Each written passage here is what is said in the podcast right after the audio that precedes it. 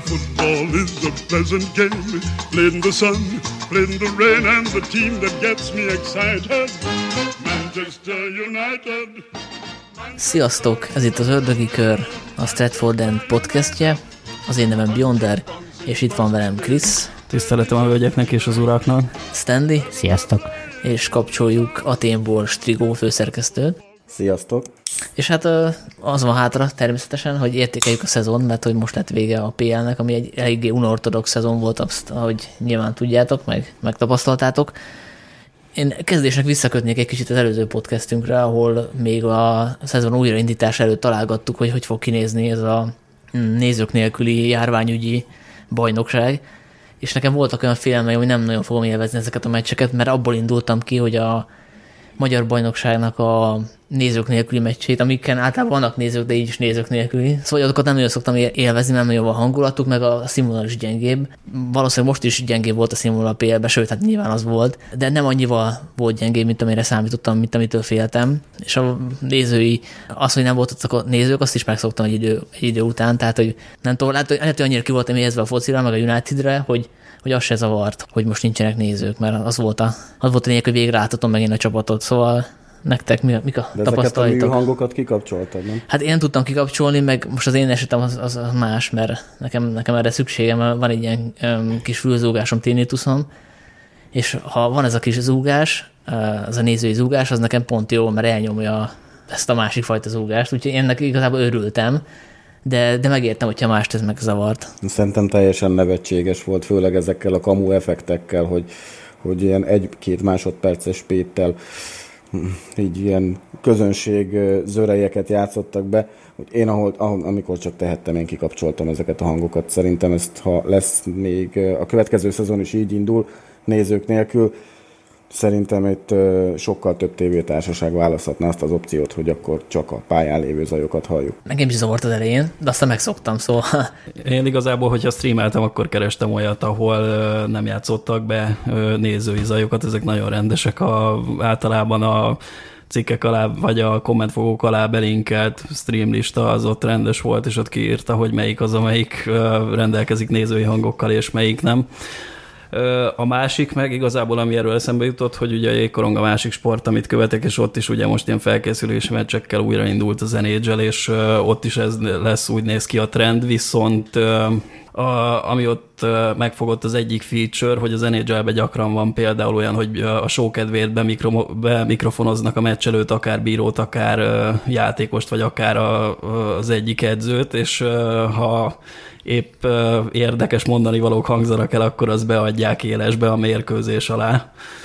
Nem tudom, hogy nyilván nem lesz ilyen a Premier Ligában, de én általában ezeket sokkal jobban szeretem hallani. Most egy ilyen hatalmas 110x60-as futballpályán nyilván alig hallatszik bármi, de jó ezeket fülelni, úgyhogy én nem ragaszkodom annyira a nézői hangokhoz. Egyébként a nézői hang hiányának az is megvan az előnye, hogy most halljuk azt, hogy a az edzők hogy kommunikálnak a játékosok, a játékosok egymás közt hogy kommunikálnak. Hát vagy adott esetben az edzők edzők egymására. Igen, igen, igen, akkor gondolom mindenki látta a videót, hogy Lampard meg Klopp mit művelt ott igen. a technikai zóna széléről. Én, én pont a fordítottja vagyok ennek, tehát hogy ö, szerintem jobb volt azzal, hogy volt hang a nézők részéről, mert én amikor elkezdtem nézni az első német bajnokit, ami az újraindulás után volt, akkor az szánalmasan rossz volt, tehát hogy mint egy rossz gyakorló meccs, tehát egy tévénézőnek konkrétan élvezhetetlen volt és akkor én azt mondtam, hogy én, én nem hiszem, hogy úgy nagyon fogok nézni ilyen mérkőzéseket, tehát ezek az ajok, ezek kicsit segítettek abban, hogy, hogy úgy emberibbé, vagy hát nem tudom, teljesebbé tegyék hangulatot. Nem tudom, hogy játékosoknak egyébként erről mi volt a véleménye, hogy ők ezt, vagy ezt ők nem érzékelték, ez kizárólag a nézőknek volt bejátszva. Nem, nem tudok akkor erről mást mondani, de... Ez közvetítés alatt van de, bejátszva. De, Brutál, brutális lenne ezt a stadionban játszani. Szerintem, szerintem kicsit életszerűbb lenne számukra, és én, én nehezen tudom elképzelni, hogy hogy a fenébe lehetett üres lelátók előtt gyakorlatilag játszani játszani, főleg arról, hogyha azt nézem, hogy gyakorlatilag ugye mondjuk a Real Madridon kívül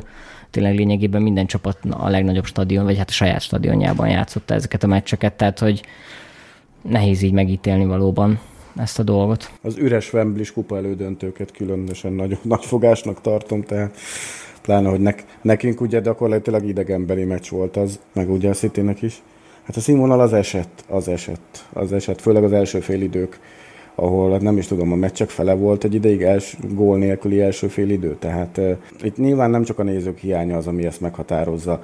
Uh, itt a hosszabb kihagyás is, ugye nekem nagyon, nagyon sok meccs nem tetszett, amit elkezdtem nézni, és nem United meccs volt, és kikapcsoltam a francba, mert uh, egyszerűen gyenge színvonalú volt. Tehát uh, szerintem úgy általánosságban esett a színvonal, főleg egyébként az alsó tabella alsó felé, meg kieső csapatok azok, akik, akik nagyon-nagyon semmilyen focit nem játszottak, még önmagukhoz képest se.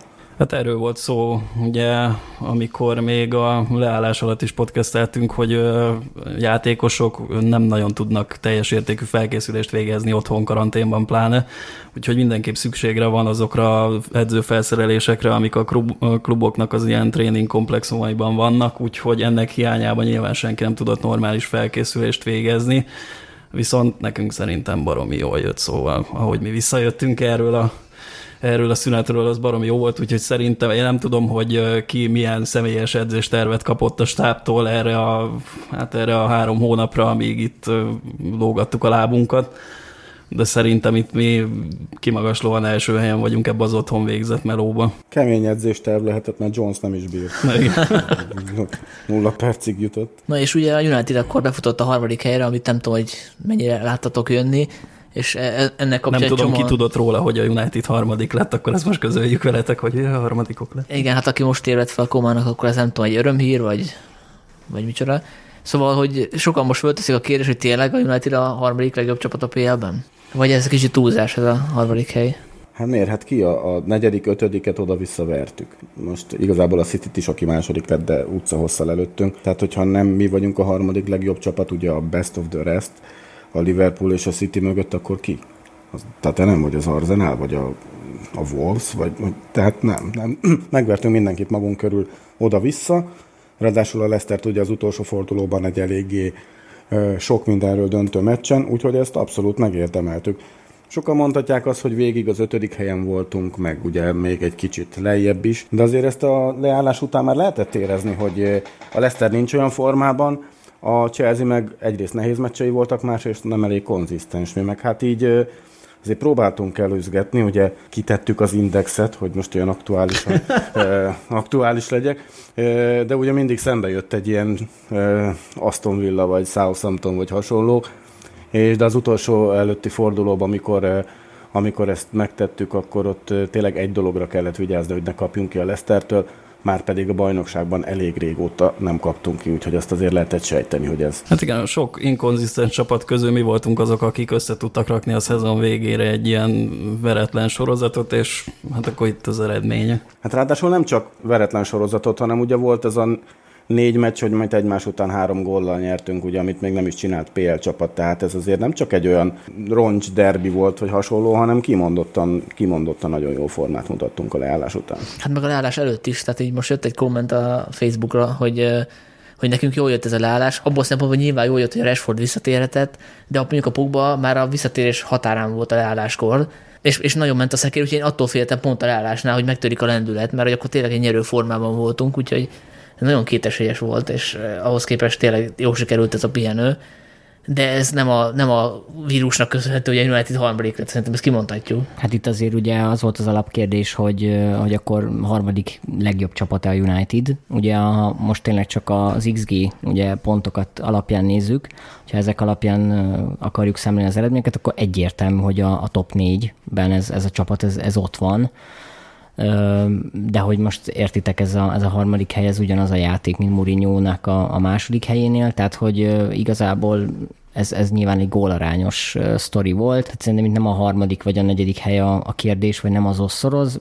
Ez a csapat alapvetően megérdemelte a, az, hogy, az, hogy itt legyen a négy között, a, és de ez nem feltétlenül saját teljes kiemelkedő teljesítményének az eredménye, hanem inkább a szezonnak, annak, hogy például a Tottenham ilyen jellegű visszaesére senki nem számított, a Wolves egyébként nem az, hogy stagnált, hanem valamennyire előre is lépett, és hát az Arzenál azért csúnyán leszerepelt.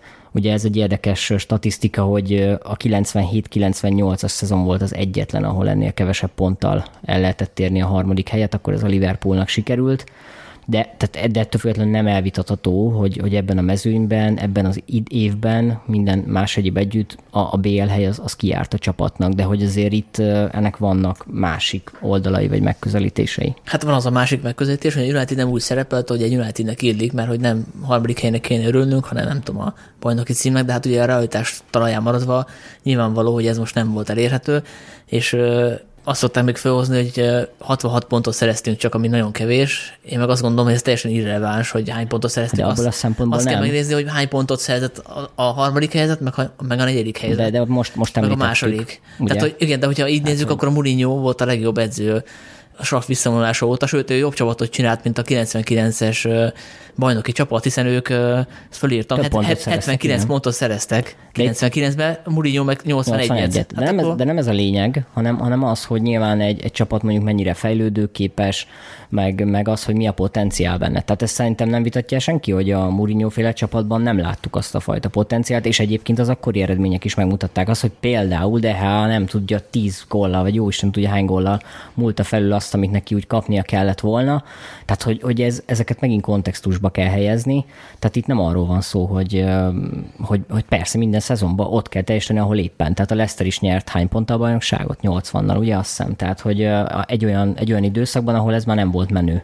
Tehát, hogy ahol ennél jóval... Igen, ez Dehát, Dehával kapcsolatban pontosan még fogunk azért róla beszélni, de hogy abban a Mourinho szezonban körülbelül annyi pontot hozott Deha, mint amennyi most elment rajta. Egyébként nagyjából, nagyjából nullás szinten van Deha. Tehát bármennyire meglepő, tehát nincs, nincs ilyen nagyon mínuszba, vagy ilyesmi.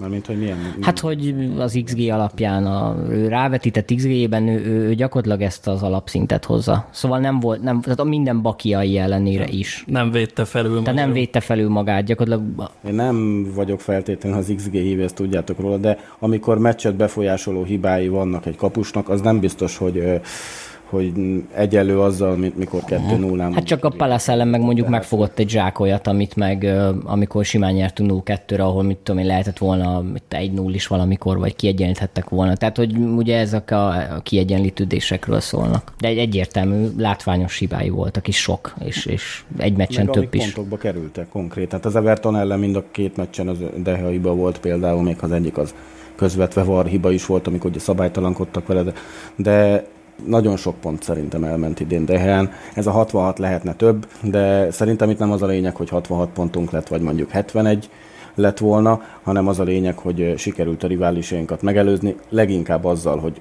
őket közvetlenül megvertük, és 6 pontot hoztunk mind a Chelsea-n, mind a, a Leicesteren. A Wolves ugye az csak négy volt talán, meg a Sheffield United is, de hogy a közvetlen riválisaink elől haláztunk el pontokat, és ezzel Itt, legik- itt tényleg csak annyi kiegészítés, hogy nyilván minden csapat másban erős. Tehát, hogy mondjuk mit tudom én, a, mi a kicsiket nem vertük, meg mit tudom én, a Leicester megverte a kicsiket, de az első háromtól oda-vissza kikaptak. szezon első felébe volt igaz, január után azért Ja már... persze, csak hogy hát azért ott rengeteg pont elment. Pe- persze nyilván a hozott pont az mindig többet ér ilyen szempontból, de hát a probléma az a Burnley meccsekkel és társaival volt. Hát igen, hogyha ugyanezzel a kerettel, amivel az új indulás után meccseltünk, neki megyünk az egész bajnokságnak, akkor szerintem lehet, hogy simán ugyanúgy harmadik helyre jövünk be, csak egy kicsit kisimultabb arccal. Igen. Meg annyit szerettem volna még hozzátenni, hogy igazából most itt a Mourinho második szezonjával történt egy kis összehasonlítás, hogy a játékunk képe az gyakorlatilag köszönő viszonyban sincs azzal, és én iga- igazából a játék képével vagyok elégedett, és az, hogy ez mire elég, az kicsit függ azért a mezőnytől is. Tehát egy, egy ilyen Mourinho-s játék a többi csapat, hogy mondjam, szereplése miatt elég volt egy második helyre, és most ez a szerintem egy, az egy nagyságrendel jobb játék egy harmadik helyre volt jó, aztán meglátjuk, hogy jövőre mi lesz belőle.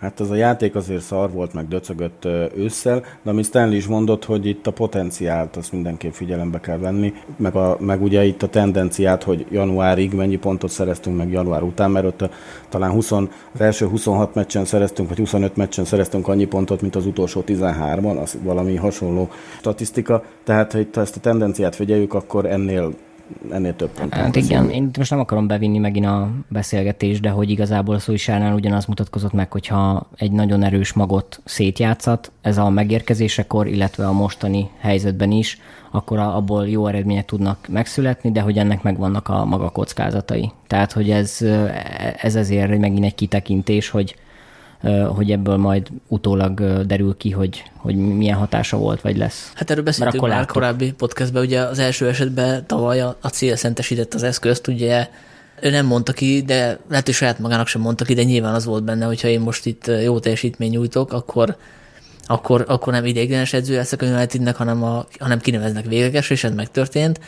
Most erre lehet azt mondani, hogy ez most nem volt túl etikus dolog, mert neki a csapat érdekét kellett volna néznie, és nem csapágyasra játszatni őket, de most az ő helyében melyikünk lenne az, aki nem próbálná ezt meg? Tehát ott vagy a, egy kapura attól, hogy, hogy kinevezzenek rendes menedzserre, és nem teszed meg azt a plusz lépést. Most meg ugye a top 4 volt az, amiért, amiért mindent föl kellett áldozni, és erről mi nyilván fogunk beszélni a játékos értékelésnél, hogy, hogy mi az, amit máshogy kellett volna csinálni, a többet kellett volna rotálnia, szerintem egyébként igen. Tehát itt voltak azért komolyabb hibák is, de, de azzal egyet tudok érteni, hogy most itt mindent rá kell tenni a top 4-re, mert az Európa Liga megnyerés az teljesen lutri. Tehát az most egy ilyen bónusz, de ar- arra építeni, hogy majd a megnyerjük azt, és úgy jutunk be a BL-be, az, az így illuzorikus volt. Na, én még annyit akartam mondani, hogy egyébként van erre példa a futball történelmében, pláne Európában, hogy egy-egy edző azért kicsit próbálja a saját bőrét menteni, és akkor erre beáldoz egy-két dolgot, ami a csapat érdekét segíteni. Nem tudom, ki emlékszik rá, de amikor Ancelotti átvette a Milán irányítását, akkor volt a kezei között egy nagyon fiatal Andrea Pirlo, aki gyakorlatilag nulla játékpercet kapott azért, mert ugye már nála tapasztaltabb játékosok hemzsegtek a középpályán, de nem volt még biztos a Milánnak a BL indulása, és Ancelotti gyakorlatilag még a keretbe se nevezte Pirlót, egészen addig amíg biztos nem volt, hogy a Milán BL-ben nem jut, és akkor utána kezdett el neki játékperceket adni. Ez csak hirtelen egy ilyen példa, ami eszembe jutott erről. Jó, jó ez a példa, meg minden, de szerintem még ennek kapcsán azért így rotálásilag azért még fogunk erről beszélgetni, hogy, hogy Lesz, milyen, hátra, milyen hátrányai igen. is vannak ebben az esetben. Hát ilyen Forma 1-es hasonlattal éve, hogy nagyjából annyi történt, hogy itt erre a újraindítás utáni időszakra itt fel lett tekerve minden a maximumra, motor teljesítmény, benzélevegő keverék, minden DRS-t, kersz, mindent bekapcsoltunk, és akkor reménykedtünk, hogy a célegyenesre fordító kanyarban nem fogy ki a benzin, és be fogunk csorogni valahogy a célvonalba, aztán hála Istennek sikerült, de na mindegy, erről még beszélünk, de röviden azon a véleményen vagyok, hogy ezt nyilván egy teljes szezonon keresztül nem lehet csinálni. Hát szerintem még egy fél szezon se feltétlenül. Hát most a játékos értékelő lenne, de akkor szerintem röviden a Szúsjár teljesítményét is értékelhetjük, mert hogy a Szúsjár kapcsolatban szerintem van egy ilyen félreértés, vagy valami, ami egy, egy olyan rossz futballköszön, amit azt hittem, hogy megcáfoltunk, de ezek szerint mindig visszajön. Van az az egyszerű, nagyon basic álláspont, hogy a, az edző az beteszi a jó játékosokat, és a jó játékosok megnyerik a meccset. Ugye ennek az volt a, a, a csúcsa ennek a szemléletmódnak, amikor megpróbálták emberekbe bizonyítani, vagy ö, ráfogni az idánra, hogy ő igazából nem olyan jó edző, mert háromszor megnyerni a B-et, azt bárki megteszi, van egy Ronaldo, beteszel a csapatba, megnyeri. És ugye erre a, a, az új generációs elemzők azt mondták, hogy ez baromság, tehát ennél sokkal komplexebb egy csapat működése, pláne egy top csapaté, ez nem így működik, hogy van egy sztárod, beteszed, és akkor csinálja, amit akarsz a pályán, és jönni fognak az eredmények. És a Szulsjára kapcsolatban most ez az elképzelés jött vissza, hogy hogy igazából a Bruno megmentette a segít, nem kellett semmi más tennie, betette a Fernandes a csapatba, és a Fernandes egymaga behozta a, meg a Pogba utána később a csapatot a harmadik helyre. Én meg azt mondom, hogy ez egy baromság. Tehát, hogy ez, ez a leértékelés az edzői szakmának a legmagasabb szinteken, mert ez nem így működik, hogy, hogy ennyi, az, ennyi az egész, hogy beteszel egy jó játékost, és akkor az majd valahogy behúzza a harmadik helyre a csapatot. Tehát, hogy itt nekem el kéne ismerni azoknak, akik oli autoztak, hogy azért lehet, hogy még olyan kókletesi tanár ez az ember. Ez általában a futballmenedzserben se szokott elég lenni. Igen. Ugye legyen olyan rossz edző, mint Zidán, akkor nekem teljesen jó. Tehát most ez, hogy, hogy lehet, hogy taktikailag nem akkor a zseni, de motivációban például többet tesz hozzá, mint mondjuk Pochettino, vagy mit tudom, Allegri, vagy kiket emlegetnek. A lényeg itt, hogy, hogy szerintem az fontosabb ennél, hogy most Ole mennyire taktikailag mennyire jó edző, hogy a focink mennyire élvezhető, mint szurkoló, ha már nem nyerünk címeket, vagy nincsen a bajnoki címhez most éppen közünk. Én annak teljesen örültem, hogy, hogy attraktív focit játszottunk, támadó focit, gyönyörű gólokat lőttünk, tényleg olyat, ami tankönyvbe illő, rövid körömpasszok, kiugratások, fellőtt labdák. Szerintem az irány jó. Ha ilyen focit játszunk, és jövőre mondjuk harmadikak leszünk ugyanúgy, Szerintem az nem a világ vége. Nem, de pont itt, pont itt mondjátok ezt, hogy azért nyilván az egyéni játékosoknak a képességei azok eléggé látszanak ebben a csapatban. Tehát, hogy Hát ez minden csapatban lát. Ez így van. Ahol, ahol, jó, ahol jók a focisták, ott, ott látszik, viszont nyilvánvaló, hogy ezért lesz érdekes a következő szezon, ami, ami megméri ezt a csapatot valószínűleg erősítésekkel együtt. Mert hogy azért ezek, tehát hogy akár csak én, én most nem fogom itt én se sorolni, de például Frednek, meg, meg Tominének például drasztikusan javultak a számai, gyakorlatilag a McTominaynél volt egy ilyen adat, hogy tavaly 0,1 helyzetet alakított ki 90 percekig, most 0,8-at.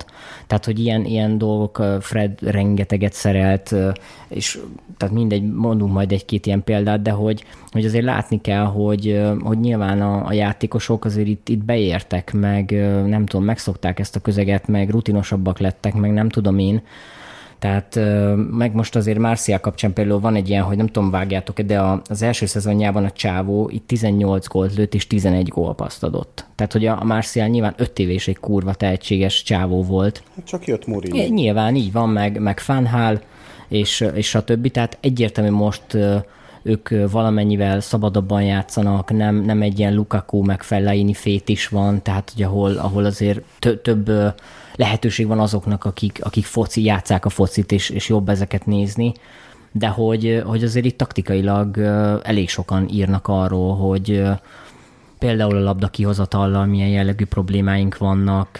Egyébként McGuire volt a ligában, aki a har- három, harmadik helyen volt, tehát ő, ő passzolt a harmadik helyen a legtöbbet az egész ligában, és hát azért ebből alapvetően mondjuk például annyira sokat nem profitáltunk. Támadásépítés. Támadásépítés, uh. így van. Tehát, hogy a... Vagy még de hát előtte kivesézzük. Tehát csak, csak mondom, hogy, hogy igazából nem, nem gondolom én se, hogy, hogy Szújsa egy kókler lenne, csak hogy szerintem egyenlőre vannak olyan dolgok, amit még, még nem látunk, és ez mondjuk egy-két év múlva azért igencsak ki kéne, hogy jöjjön. De a fejlődést azt látod? Ahhoz képest, amikor ide került 2018 decemberében? Hát ö, azt látom, hogy nem Pereira, Lingard, meg Mata kell, hogy játszon, meg nem Valencia jobb hátvéd, meg sorolhatnám még, meg nem Jones rotálja Bájit és Rohót a középhátvéd poszton, meg nem tudom, ki van még, nem tudom, Kerik mikor vonult vissza, tehát hogy kör, körülbelül ezt, ezt látom, hogy, hogy azért egy minőségi színvonal váltás történt ennél a csapatnál. Meg, Tehát... mert szabadulni így a ballasztól, úgy érzem, ennek Fergi is nagy mestere volt, csak ő általában az ilyen aranytojás tojótyúkot is gondolkodás nélkül levágta, ha arról volt szó. Hát most Szulksár nyilván nem egy bajnok csapatot kellett, hogy lebontson, hanem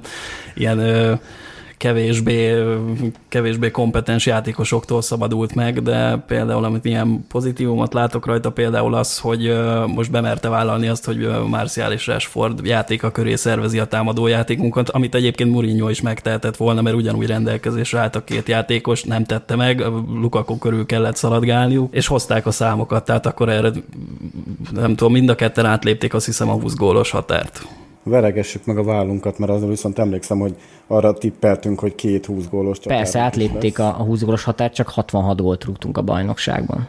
Ami, ami, hát ez a másik probléma. Ami, ami valljuk be azért nem sok.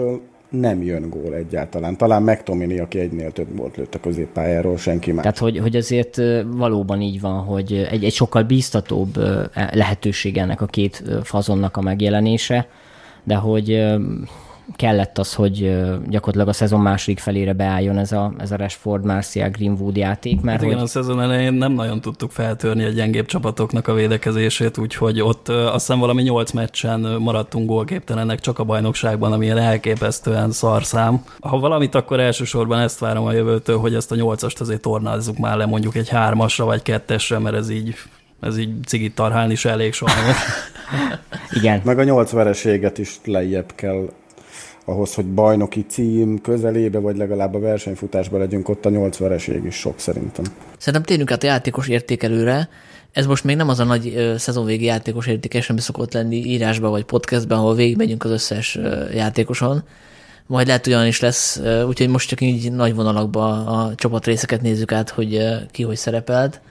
Úgyhogy ennek majd meg lesz folytatása, de akkor szerintem várjuk meg ezzel az Európa Ligát. Ki tudja, lehet, hogy mondjuk az derül ki, hogy a Jesse Lingard föltámadt, és tényleg ő az új messzi. Beyonder menthetetlen ebből a szempontból. Hát és akkor a DH-val kell nyilván kezdenünk, és ezzel szerintem kitöltetnénk egy teljes adást is, mert ez akkor a, akkor a téma, hogy vele mi a fene van.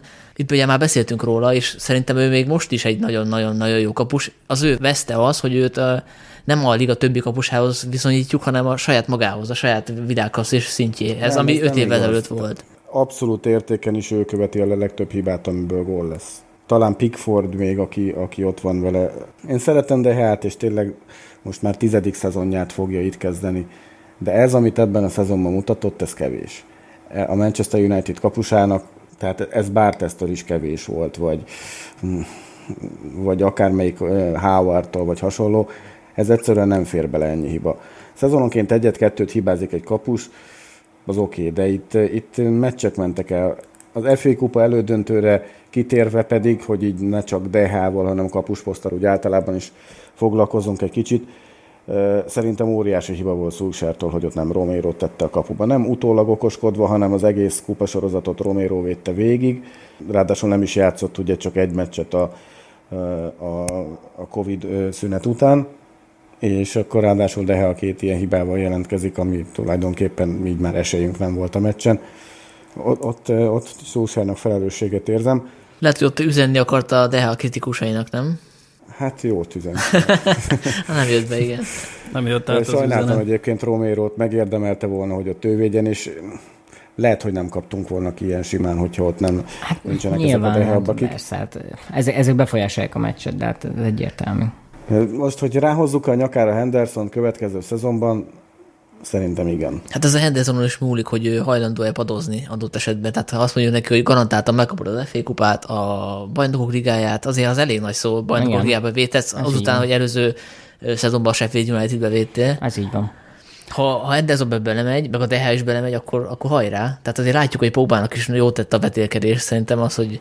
Egy-két ilyen DH meccs után simán a következő bajnokin Förgi, áll a Förgi, beraknám a cserekapust, hogy akkor védjél, és harcolt ki a helyet. Nehéz, nehéz helyzet lesz egy ilyet kihozni, mármint hogy, hogy, hogy ezt a két kapust egyszerre itt lehet tartani, úgymond azért nem véletlen a Chelsea-nél sem ment annó, mikor dönteni kellett Cseh és Courtois között, meg mit tudom én, tehát hogy, én, én nem tudom, hogy mi lesz ebből, de azt mondom én is, hogy lehet, hogy most kellene meglépni azt a váltást. Én Dehel kapcsán azt mondom csak, hogy hát gyakorlatilag tényleg az, hogy ennyi időt itt töltött, és szerencsétlen Csávó egyetlen egy bajnoki címet nyert. A spanyol váltottba akkor került be, amikor a teljes lejtmenetbe már ment ez a, ez a válogatott két nagyon kudarcos nemzetközi tornával. Mondjuk azt, hogy Kepa szorította ki, azért az vicces, tehát az nem sok. De, de hogy a 16-os, 18-as ugye EB és VB ugye gyakorlatilag az sem az ő éráját hozta el, szóval, hogy egy olyan fickóról van szó, akinek tudjuk a képességeit, és hogy fogalmam sincs, hogy hogy fogja megítélni a történelem. Szóval nem tudok róla más nagyon nyilatkozni. Kicsit annyit tennék hozzá ez a Dehea értékeléshez, hogy a bakiait most azt hiszem, hogy így most már gorcsó alá vettük, meg szerintem mindenkinek az lesz az egyetlen emléke vele kapcsolatban, hogy Richarlisonba bombázza az Everton ellen a kirúgást, és akkor bepattan a hálóba, azt hiszem ez így történt, de javítsatok ki, hogyha tévedek. Én viszont egy kicsit más... calvert Vagy calvert lőtte, nem tudom, valakibe belelőtte, de szerintem mindenkinek ez fog már megmaradni erről a szezonról. Most afelé terelném el egy kicsit Deha értékelését, ami igazából nem a védések terén zajlik. Tehát manapság egy kapusnak ma már az, a sok feladata közül az egyik, hogy lövéseket hárít. Tehát most már az akciókat általában a kapusok indítják, hátulról részt vesznek a labda kihozatalban, és a többi, és a többi, illetve a nagyon keményen pressingelő csapatok mögött a, hogy mondjam, a bejátszhatatlan zónát tartják tisztán ez a söprögető kapusnak a, hogy mondjam, az ilyen modern változata, amit így Neuer is művel jól, Alisson is a Liverpoolban, meg a City kapusa is, és most erről beszélnék egy kicsit, hogy Dehe milyen hiányokat szenved, és a, igazából Deheával a legnagyobb probléma az még szerintem az ilyen bakiai mellett, hogy a 16-oson kívül elképesztően, hogy mondjam, keveset tesz hozzá a csapat játékához, tehát nézegettem egy kis statisztikát erről, és ilyen minden harmadik meccsen van kb. valamiféle akciója a 16-oson kívül, tehát de ha gyakorlatilag a 16-oson kívül se labdával, se labda nélkül nem csinál semmit, ami elég nagy probléma, mivel így a védelem sem tud eltávolodni a, a kapunktól túlságosan messzire, mivel de nem fogja tisztán tartani mögöttük ezt a területet, ebből kifolyólag nem tudjuk az ellenfeleket megfojtani, nem tudunk hatékonyan pressingelni, nem tud fellépni a védelem, aztán majd, amikor megálljóra kitérünk, akkor, akkor majd kicsit gorcsó alá veszük őt is, meg a gyorsaságát, ami a másik oka ennek. Most de egy most zárójelet tennék, hogy a, látok a Hendersonnak a statjai, hasonló statjai, azok még rosszabbak. nem, egyáltalán, de Henderson, Allison mindannyian ö, ö, meccsenként legalább egy, de inkább másfél valami védekező akciót bemutatnak a 16-oson kívülről. Igazából ez a, az én egyik nagy problémám, de Heával meg így a kicsit a passzai, kicsit az indításai is már így Az nem tegnap, igen, az nem tegnap jött ki, igen, ez a probléma. Az nagyobb probléma, hogy a hogy kirúgásai azok szörnyűek. Mert anélkül szerintem, jó lehet, hogy csak én vagyok ilyen maradi egy kicsit, de hogy kapus nem mozdul ki a 16-oson kívülről, szerintem attól még lehet nagyon jó egy csapat. Pláne, hogy most ugye két ilyen, két ilyen labda biztos középhátvéddel játszunk, de hogy a hosszú passzai, a kirúgásai, azok szörnyűek, és azok soha nem is voltak jók, de, de manapság így Hát ugye nem is tudom, mennyi van belőlük, hogy őszinte legyek. a kidobása jobbak például, amikor arra vállalkozik, hogy kidobja hosszan a szélre. Ö, ugye, tudom, hogy, Jamesnek, igen, tudom, hogy ez ilyen nagyon hülyén hangzik, de hát próbáljuk meg befogadni, hogy az, hogy Dehe nem csinál semmit a 16-oson kívül, és szarok, a, szarok az indításai, az ilyen szerkezeti hiányosság. Már úgy értve.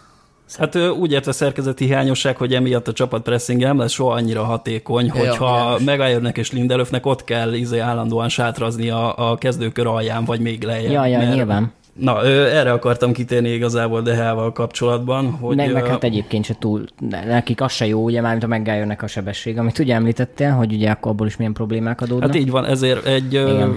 kicsit kicsit ilyen söprögetésben jobban jeleskedő kapus ebbe lehet, hogy tudna segíteni, és akkor ö, megváljörék jobban, vagy távolabbra is tudnának menni a labda nélkül a, a saját 16-osunktól, de hát ez nem nagyon látszik. Szerintem ennél fontosabb lenne, hogy védjen. Ahogy, ahogy a Krisz is elmondta, hogy nyilván az egy feladata ma már a kapusnak, igen, és hogy ez mennyire átalakult. Hát igen, de egyébként pont Stan linkelt be egy nagyon jó kis képet egyébként most. Ja, hát erről akartam beszélni, e, igen. Igen, úgyhogy azt érdemes nézegetni egyébként azt a képet, pontosan azt a, a falfestős képet, hogy melyik csapat hol mutatja a védekező akcióinak a többségét. És be. valamiért nem véletlen, hogy a Liverpool és a Manchester City Igen, és ha ránéztek a Liverpool és mondjuk pont a Manchester City-nek a, ennek a térképére, hogy a csapat hol mutatja be a védekező akció többségét, hát ott a Hát a saját ö, 16-osuk, illetve a 16-osokon belül, meg az előtere az így kék. Így van, tehát, tehát ez, ennyi, ennyi, nem, tudom, nem tudom, hogy ennyire, erre mennyire akarunk kitérni, de hogy én Hát erről... ez csak egy érdekesség, ez így bevillant. Igen, csak hogy én erről elég részletesen írtam, mert hogy én például a a Unitednek a játékából, vagy majd a hosszú távú irányba, én pontosan ezt hiányolom, hogy ebbe elmenjünk, és erről úgy elég sok mindent összeírtam, de majd, majd lehet, hogy beszélünk róla, de hogy én ebbe látom a, a kulcsot. És ez nyilván játékos szinten is jelenség. Most hogy ebben szerintem egyetértünk, igen, hogy valahogy úgy néz ki, hogy a Premier League élmezőnyének ez a trendje, megfojtjuk az ellenfelet, fellépünk pressingelni, és ehhez kell az a kapus, meg az a védelem, amelyik ezt tudja menedzselni, és nálunk ez egyelőre nem nagyon jelentkezik. Igen. Egy Guardiola típusú filozófustól el tudom képzelni, hogy csak taktikai okokból kirúgja azt a kapust, aki tíz éve szolgálja a klubot. Igen. A Szulcsjától nem biztos. Tehát ő ilyen... Hát Guardioláról nem, nem kell elképzelni, mert megcsinálta. Igen. Igen. igen, igen, igen, pontosan így van, pontosan így van. De ő nem volt a, az a Given volt, nem? Hát nem a Hart. A A Hart. Hart, vagy a Hart, de hát a Hart. azért nem volt akkor nem is, a klub legenda. nem is a hártra gondoltam, ki volt Hát a utána. Hártból lett a Bravo. A Bravo, Bravo volt az, aki De úgy tett ki, hogy is nyilván. Hát jó, de tudjuk miért hozta, mert azért tud, ismerte nagyjából azt a képességét, amiről te is beszéltél. ö, hárítani nem nagyon hárított, Hát de így ebbe van. azért jó volt. Nem tudom, én szerintem azért ez, ez a söprögető kapus, ez nem, nem egy ilyen minden csapatnak olyan kapusa kell. Ez, ezt nem dolog. állítottuk, de hogyha egyébként tényleg azért Alisont is megnézed meg, hogy a faszomba de Ederson megnézett, Ederson. McTominay góljának azért elég sok köze van ahhoz, hogy, hogy ő ott ilyen söprögető, meg egyből indító kapus Hát nyilvánvaló. Tehát, Tehát, ez benne van a hiba, tehát- benne van a hiba, ezt, ezt nem állítja senki. Hát Alisonnak is ugye, hogy volt, hogy amikor megjött, nem kapott gólt, mennyi, hat meccsen, nem tudom hány állt, aztán ott kapott egy gólt, hogy cselezgetette a izénél, és akkor abból kapták a gólt. Ez volt nem tudom, a hetedik meccse tavaly. Tehát, hogy köb, köb ez, tehát ez, ez, benne van, ugyanakkor meg a, a túlzott előnyei, vagy a nagyobb részű előnye megvan. Tehát, hogy egy teljesen más futball tudnak ennek is hála játszani. Tehát, na mindegy, hát most tényleg nem mindegy, akarok belemenni, a de... végén nem, nem ezt látom, de a legnagyobb problémájának idén, hanem az, hogy rövidre nagyon sok Hát volt. nyilván, nyilván. Tehát 16-oson kívüli lövések, amiket máskor így letüdőz, azokat beüti a kapuba, tehát hogy igen, ez, ez probléma volt nyilván. Én próbálom Szúksjárék szemszögéből nézni, hogy ők most nyilván gondolkoznak azon, hogy visszahozzák-e Hendersont, vagy nem. És ennek az egyik legnagyobb kockázata szerintem az, hogy Henderson még nem bizonyított a legmagasabb szinteken, úgymond. Tehát, hogy más egy Sheffieldbe védeni, meg más egy Unitedbe. Tehát, hogyha most a Chelsea-től hoznánk kapust, akkor ez a kérdés, vagy nem tudom, az Arsenal-tól, illetve ez nem jó példa, mert nagy csapatot akartam mondani. Szóval mindegy, ha egy nagy csapattól hoznánk kapust, akkor ez a, ez a dilemma nem lenne meg, de most elképzelhet egy olyan worst case szenárió, idehozzuk Hendersont, neki megremegnek a lábai a tét miatt, a DH önbizalma összeomlik, és akkor lesz két gyengélkedő kapusunk, De ahelyett, hogy most föl, fölépítenék a DH magabiztosságát. De nem, hát lehet ebből Henderson Romero páros is, tehát hogy ez nem kizárt. Hát ezt Hogy egy tökösebb edző van. Hát, hogy Na, hát Ferguson erről pont ugyanígy csinál de Heával, ő se, Ja. hát jó, azért Atletico kapus, aki Az a nyilván legelső volt tapasztalata, volt. az a legelső szezonja, de igen, és ö, zöldfülüként idehozta, és amikor szanaszét bakizta magát, akkor bizony padozott utána egy-két, egy-két meccseket. És kivédett a drága jó Lindegard. Hát, ő is Tehát, többek hogy- között, igen. Nem volt rossz kapus. Hát jó, csak hogy, hogy értitek. Most is valami ilyesmit kéne csinálni, tehát most Győztes már Dehának szer... Val- valamikor győztes gólt szerzett éppen Lindegard, amikor Dehel benyelte a két, a két gólját pont akkor, úgyhogy ez kicsit változott a két kapusnak az életútja. Kicsit én a motiváció hiányát, mintha Mhm. érezném Dehán, tehát úgy, úgy, úgy játszani minden meccsen most már nem is tudom hány éve, hogy most már több edző is váltotta egymást a kispadon, és mindegyiknél annyira alap és kezdő kapus volt, hogy egyszerűen nem volt kihívója. És így nem tudom, hogy hogy lehet bírni motivációval, mert a tizedik szezonját kezdi, ugye, ahogy Bionder mondta, és így És valahogy éreztetni kéne vele, hogy uh, itt, itt most már lesz egy kis uh, lesz egy kis verseny azért a kezdőkapus címért, még ha Hendersonnal is, vagy nem tudom, hozzunk akárkit. És szerintetek hova tudnál igazolni? Hát szerintem ilyen. Juve, Juve, Juve Párizs, ezek bőven, ugye az Atletikóba való visszatérés, mert azért Oblak már egyszer csak kiköt valami nagyobb klubban állítólag, mármint hogy, tehát, hogy ezek szerintem simán működnének. Egyébként de Hánál az érdekesség, hogy ő is végigjátszotta az egész bajnokságot. Tehát, Igen, hogy, mind a 38 meccsen tehát, hogy végig. azért itt ez is egy, egy, egy szerintem egy, egy hiba volt. És azért csinált olyan bakikat, ahol bizony padozás járt volna Igen. érte. Legyen akármilyen a második számú kapusunk, csak ezt senki nem merte behúzni. Hát de miközben meg Romero nem arról volt híres, hogy nagyon nagy problémák vannak vele. Tehát, hogy arra a pár meccsre meg különösen nem, miközben védett. Igen, azért kicsit érzem itt a tökök hiányát, hogy Mhm. mondjam a stábba, hogy bizony azért, de azért csinált olyan hibákat, hogy azért egy három-négy meccset nyugodtan padozhatott volna Igen. a Premier Ligába. Igen. Erre vinnétek Németországba Dehelt? Hát persze, nyilván. Hát de az a kérdés, hogy kezdőcsapat vagy a padra? Hát igen, de hát ezt, ezt, ezt a helyzet majd megadja. Egy negyed döntőbe lehet nem védetném, de utána mondjuk az elődöntőbe lehet, hogy őt raknám inkább be. Hát most ez sok minden nem múlik. Mourinho megcsinálta, hogy Romero-val tolta végig. Na hát, Európa ennyi. Meg Bolz. hát ugye Romero védett nem az összes meccsen, mert egyszer a Grant védett talán a Kazaksztánba, vagy hol a faszba.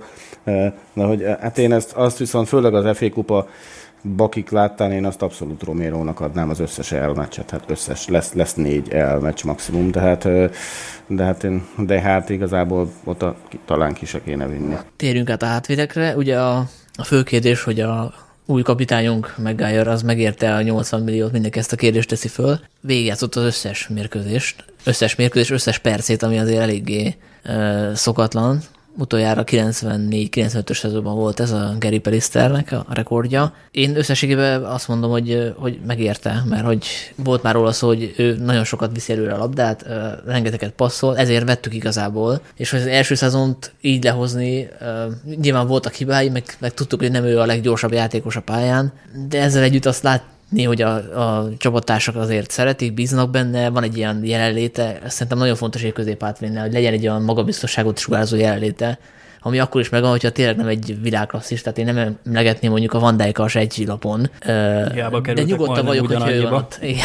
De nyugodtan vagyok, hogyha ő van a védelem közepén. Hát ugye gyakorlatilag én elkezdtem végignézni a statisztikákat, gyakorlatilag akár tisztázás, akár fejjel tisztázás. Ö, 72 interceptionje volt, amiben abba is hatodik volt azt hiszem a teljes ligában. Tehát, hogy ugye a harmadik legtöbbet passzoló játékos a teljes ligában. Tehát, hogy egyértelműen épült rá ez a csapat, és nyilván ez a játék perceknek is köszönhető, de hogy gyakorlatilag minden számban ott lehetett találni a statisztikák elején, és ha a legnagyobb kritikát kellene felrúni neki, az nyilvánvalóan valóban ez a sebesség, azok, amikor tényleg lendületből tudják őt megverni, amikor, amikor tényleg csak szinte tétlenül áll, és, és ezt nyilván kompenzálja azzal, hogy jól helyezkedik, tehát az egy viszonylag jó helyzet felismerése, és a, a másik, ha már nem csak McGuire, hogy ugye azt láthatok kell, hogy a Lindelöf 3093 percet játszott, a Fanbisaka pedig 3072-t, és ez a négy játékos játszotta a legtöbbet az idei szezonban, tehát a Dehea és a három hátvédünk. Tehát ugye itt is arról beszéltünk, hogy egyrészt ugye a rotálási problémák, egyrészt az, hogy ez egy kényszer volt, hogy őket kell játszatni, mert hogy a Fanbisaka helyett mondjuk a Dalót sem akartuk az Istennek se betenni, és most arról hallunk, hogy őt lehet, hogy kölcsönbe vinni a West Ham United, tehát, hogy és itt a, elmehetünk akkor a showig is, hogy ugye gyakorlatilag megint sérült volt, megint egy, egy x időt tudott lehúzni a csapatban, Szóval nagyon, nagyon nehéz ennek a kérdésnek a történet, és akkor ha kitérünk ugye a, például a, a megint a Liverpooli szélsőkre, ugye, Robertsonra és ugye Alexander Arnoldra, akik idén megint remekeltek, és hogy azért ez még mindig hiányzik a United játékából, annak ellenére, hogy Fanbisaka kapcsán egy picit például én is megkövetem magamat, mert, mert tényleg egészen elképesztő a, a faszinak a védekezési mutatója, de és talán támadásban is javulni látszik, de ez például a játékunkból még mindig iszonyúan hiányzik, hogy a, a szélső hátvédek megtámogassák a, a támadásokat, és nagyon kíváncsi vagyok arra, bár fogunk erről beszélni, hogy, hogy valahogy az értelemszerűnek tűnik, hogy jobb szélre igazoljunk már, mint a támadósorba, meg, meg egy középhátvédet,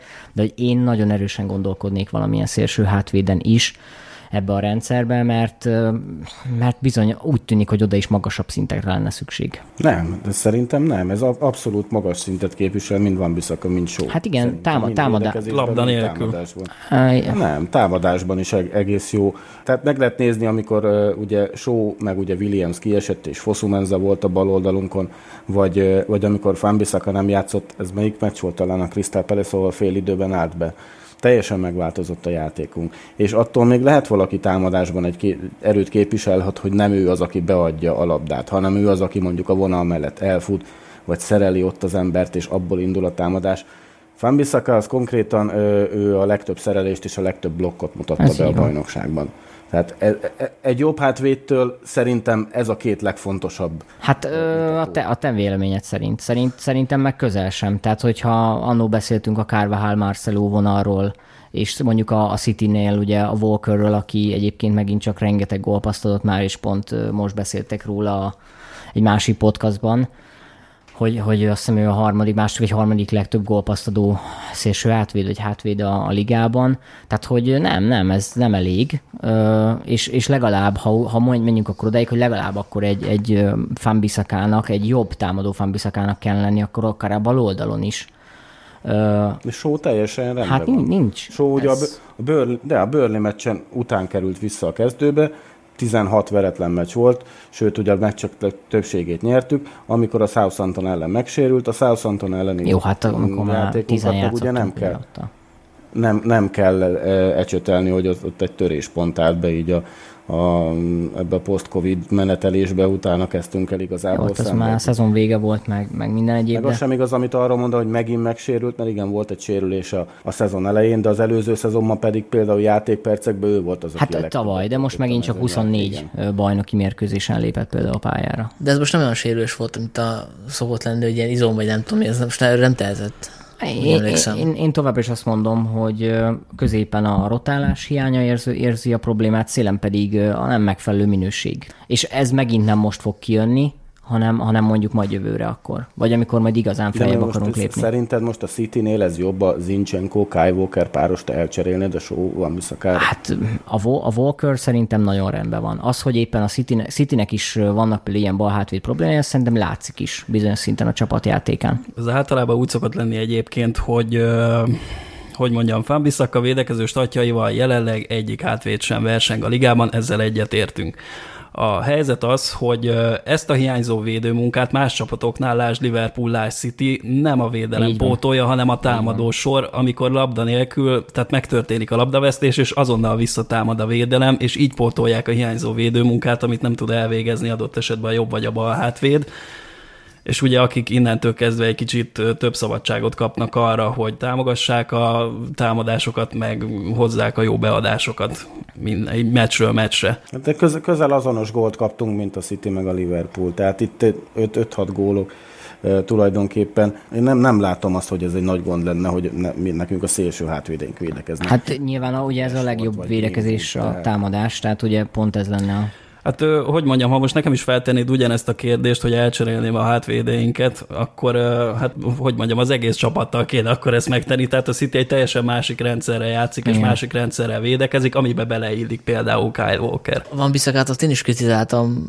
korábban a podcastekben, Stigó, ezzel vitatkoztunk is, hogy ő nem támad eleged. Ezt most annyival egészíteném ki, hogy látszik rajta a fejlődés, tehát hogy sokkal többet támad, mint korábban. Voltak gólpasszai is, jó beadásai is, tehát én látom benne a fejlődést Úgyhogy ebből a szempontból én most elnéző vagyok. A, a show részéről ezt annyira nem látom, tehát ő neki továbbra sincs túl sok kulcspassza vagy gólpassza, tehát hogy ezért is örültem annak, amikor a Williams került be most tavasszal. Más kérdés, hogy ő most valamiért nem volt olyan jó formában. Szóval én, én, én a bal oldalon látnék lehetőséget javulásra, van Biszakát nyilván nem lehet lecserélni, meg nem is kell, most vettük, meg, meg kúra jó védekezik. Hát meg viszont fiatal, tehát benne tényleg megvan az, hogy két-három év múlva ennél, ennél jobb tud még lenni. És sokkal, végig tudta robotolni és, a igen, szezont. Igen, igen. És lábjegyzetben még annyit tennék hozzá, hogy azért óvatosan hasonlítgatnám őket a Alexander Arnoldhoz, meg a Robertsonhoz, mert ők tényleg világklasszis szinten nyomják, és nem csak mint védők, hanem mint, mint ilyen playmakerek gyakorlatilag, ők újra definiálták a jobb meg a baloldali felfutó védő pozícióját, szóval hogy lehet hozzájuk hasonlítani, csak kicsit irreális, mert hogy ilyen két ilyen játékos mi nem tudom, hogy fogunk-e találni. De jó, de most azért azért a Chilverről se véletlenül beszélnek, hogy szívesen elvinné valaki. Nyilván a Leighton Baines mosomult vissza például, és, és őnek is meg volt egy kalibre, tehát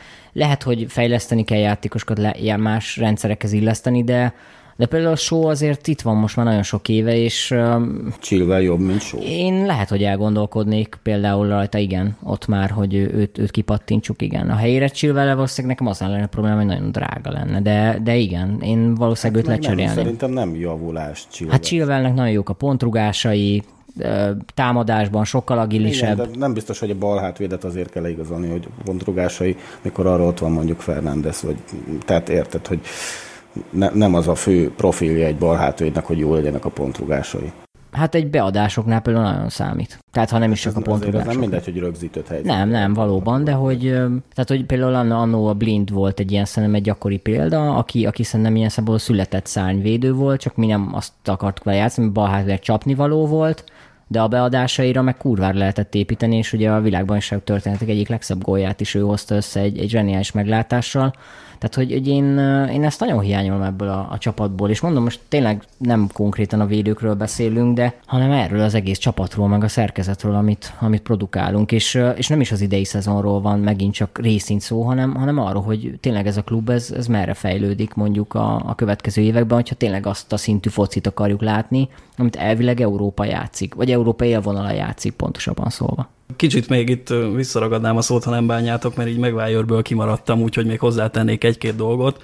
Ugye azt már Stan kiemelte, hogy jól bánik a labdával, a legtöbbet passzolja, és elég progresszívan, ráadásul cipelni is tudja a labdát, és említettük, hogy igen, kicsit lassúcska szegény, tehát általában az ilyen gyorsabb támadók azokkal meggyűlik a baja, viszont a következőt tenné még hozzá, hogy ezt nem, nem tudom, tudtuk-e, hogy ő is valamilyen 73% környékén nyeri a fejpárbajokat, pont úgy, mint Smalling egyébként, aki most ugye római kölcsönadását tölti, és nem tudjuk, hogy visszajön-e. Csak a különbség a következő, hogy amíg Smalling az utolsó teljes szezonjában összesen 90 párbajt nyert összesen, addig Maguire csak az újraindítás előttig 150-et nyert, ami ez a szám pedig felkúszott a bajnokság végére, most, hogy befejeztük 176-ra, ami gyakorlatilag majdnem a kétszerese annak, amit Smalling megcsinált. Tehát amit a levegőben művel Maguire, az valami eszméletlen. A és... Smalling az egy más típusú játékos szerintem ebben a szempontból. Kivéve az ellenfél kapuja. Ja, igen, hát meg igen, ezt elnézést, ezt nem tettem hozzá, tehát hogy a, amit viszont a pont, pontrugásoknál, meg szögleteknél művel, az így, hát jó, de Igen. Ez, ez is részint egy taktikai hiba, hiszen ráépítünk, és nem ment ez a fajta ráépítés gyakorlatilag az egész szezonban. Hát igen, gyakorlatilag én annyit láttam, hogy set piece edzőnk szerintem nincs, legalábbis nem tudok róla, hogy lenne, és ami történik az az, hogy hát így átíveljük a hosszúra Megvájör felé, aki ugye 194 centi, aztán ő vagy le tudja fejelni a többieknek, vagy nem. Igen. Vagy lefújják kifelé Az még nagyon gyakran elő szokott fordulni. Illetve a másik, én nem vagyok benne biztos, hogy ő a jövő csapatkapitánya. Hát Vigis Frigónék kurva jóba átvinnek is örülnék, tehát hogy nem hogy az, hogy ki lesz a jövő csapatkapitánya Unitedben, de hát Na jó, de hát most meg, megáll idejét, és fél év múlva ő lett, miközben így azért nem látszik rajta, hogy ő lenne az az arc, aki folytatja Hát mi nem a látjuk, de nem látjuk be a hagyományokat. mögé. Tehát, Hát meg, hogy ér- hát nem, érted, de a pályán nem sok jelenléte van így a, akár az ellenfél, akár a bírók. a felé. jelenlegi Tehát, csapatból talán Rashfordra tudnád rámondani egyedül, hogy egy ilyen, aki nem fél éve van itt, és... Hát és Pogba. Hát de jó, de Pogba kapcsán is hányszor elhangzott ez, hogy nehogy már Pogba legyen a csapatkapitány. Hát meg akkor lett kinevezve a Maguire, amikor Pogba sérült volt, meg eh, nem tudtuk, hogy még itt lesz a következő szezonban, tehát hogy ak- akkor milyen alternatíva volt, amikor kinevezték Maguire? Igen, egyetértek. Hát akkor ment el. De én egyébként Brunót érzem így a jövő csapatkapitány matériájának. Ő már most is rengeteget hát pofázik, és egy csapatkapitánynak pofáznia kell szerintem, nem pedig így meghunyászkodnia, mint megálljönek, és nem véletlenül van az szerintem, hogy egy rengeteg meccsen az van, hogy szétrúgnak minket, és mi szó nélkül tűrjük. Tehát ne legyünk már ez a nice, nice guy csapat. Hát az edzői döntés is szerintem. Tehát, hogyha az edző azt mondja a fél időben, hogy rúgjátok szét őket a második fél időben, akkor szét fogják rúgni. De ezek szerint a Szulcsár nem, nem, mondja nem ezt. arra gondolok, hogy mi nem rúgjuk szét az ellenfelet, hanem hogy egyszerűen büntetlenül megcsinálják velünk. És azért, azért ez a 90-es meg a 2000-es években nem volt így. Hát igen, itt kicsit a csapatkapitánynak van egy olyan feladata a pályán, amikor zajlik a mérkőzés, hogy kicsit menedzselni kell ezt a mérkőzés helyzetet, tehát ami zajlik a pályán, azt így kommunikálja a bírónak, mit követel az ellenfél, mit nem vesz észre, mire figyeljen már oda legközelebb, ne engedje már, hogy ezt csinálják, és a többi. Van, nyilván van egy ilyen szerepe is, de hát a csapatkapitánynak nem ez az egyetlen összetevője, hogy mit csinál a pályán, leginkább Lehet, hogy nagyon jól osztja a meccs- meccsegyeket a családtagok. Hát lehet, igen, de leginkább arra osztják a csapatkapitányi karszalagot, hogy mit csinál a pályán kívül, milyen az öltözőben, milyen edzésen, nem tudom, hogy bánik a fiatalokkal, és így tovább. Lindelőfről akarunk beszélni?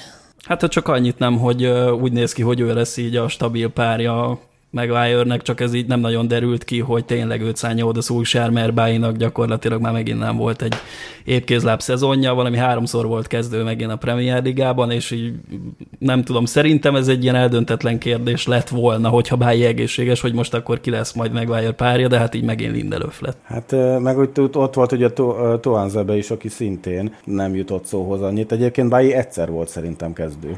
Egyszer, akkor bocsánat, lehet, hogy az egész szezonban volt összes háromszor Igen. kezdő, és nem a Premier Ligában. de- Valamint a, a PL-ben egy kezdő volt, amikor ugye befújták ezt a furcsa brékelős 11 Hát az teljesen, teljesen jogos büntető volt szerintem, tehát hogy én, én azt mondom ennek kapcsán, hogy ezt mi nem tudjuk eldönteni, vagy jelenleg nem látjuk, hogy a Lindelöf lesz a közép, tehát a kezdő középhátvéd jövő szezonban, lehet, hogy fogunk igazolni valakit, de még a Smalling visszatérésével is történhetnek meglepetések, tehát hogy én mindenképpen ezen a fronton várom a második számú igazolásunkat a jobb szélső után idénre. Tehát, hogy itt nagyon sok minden történhet. És a Lindelöfről nehéz véleményt mondani egyébként az idén szezon alapján. Tehát, hogy lá- láttam, figyeltem meccseken, ahol igyekeztek egymás játékát olvasni, kizárni, de ugyanakkor például ott volt a szószemtelni gól, a szöglet, ahol egymást fogták. Ugye gyakorlatilag ők fogták egymást, ugye, a szögletnél a 96. percben. Tehát, hogy Nem, nem, nem. Lindelöf volt az emberen, akiről bepattant végül.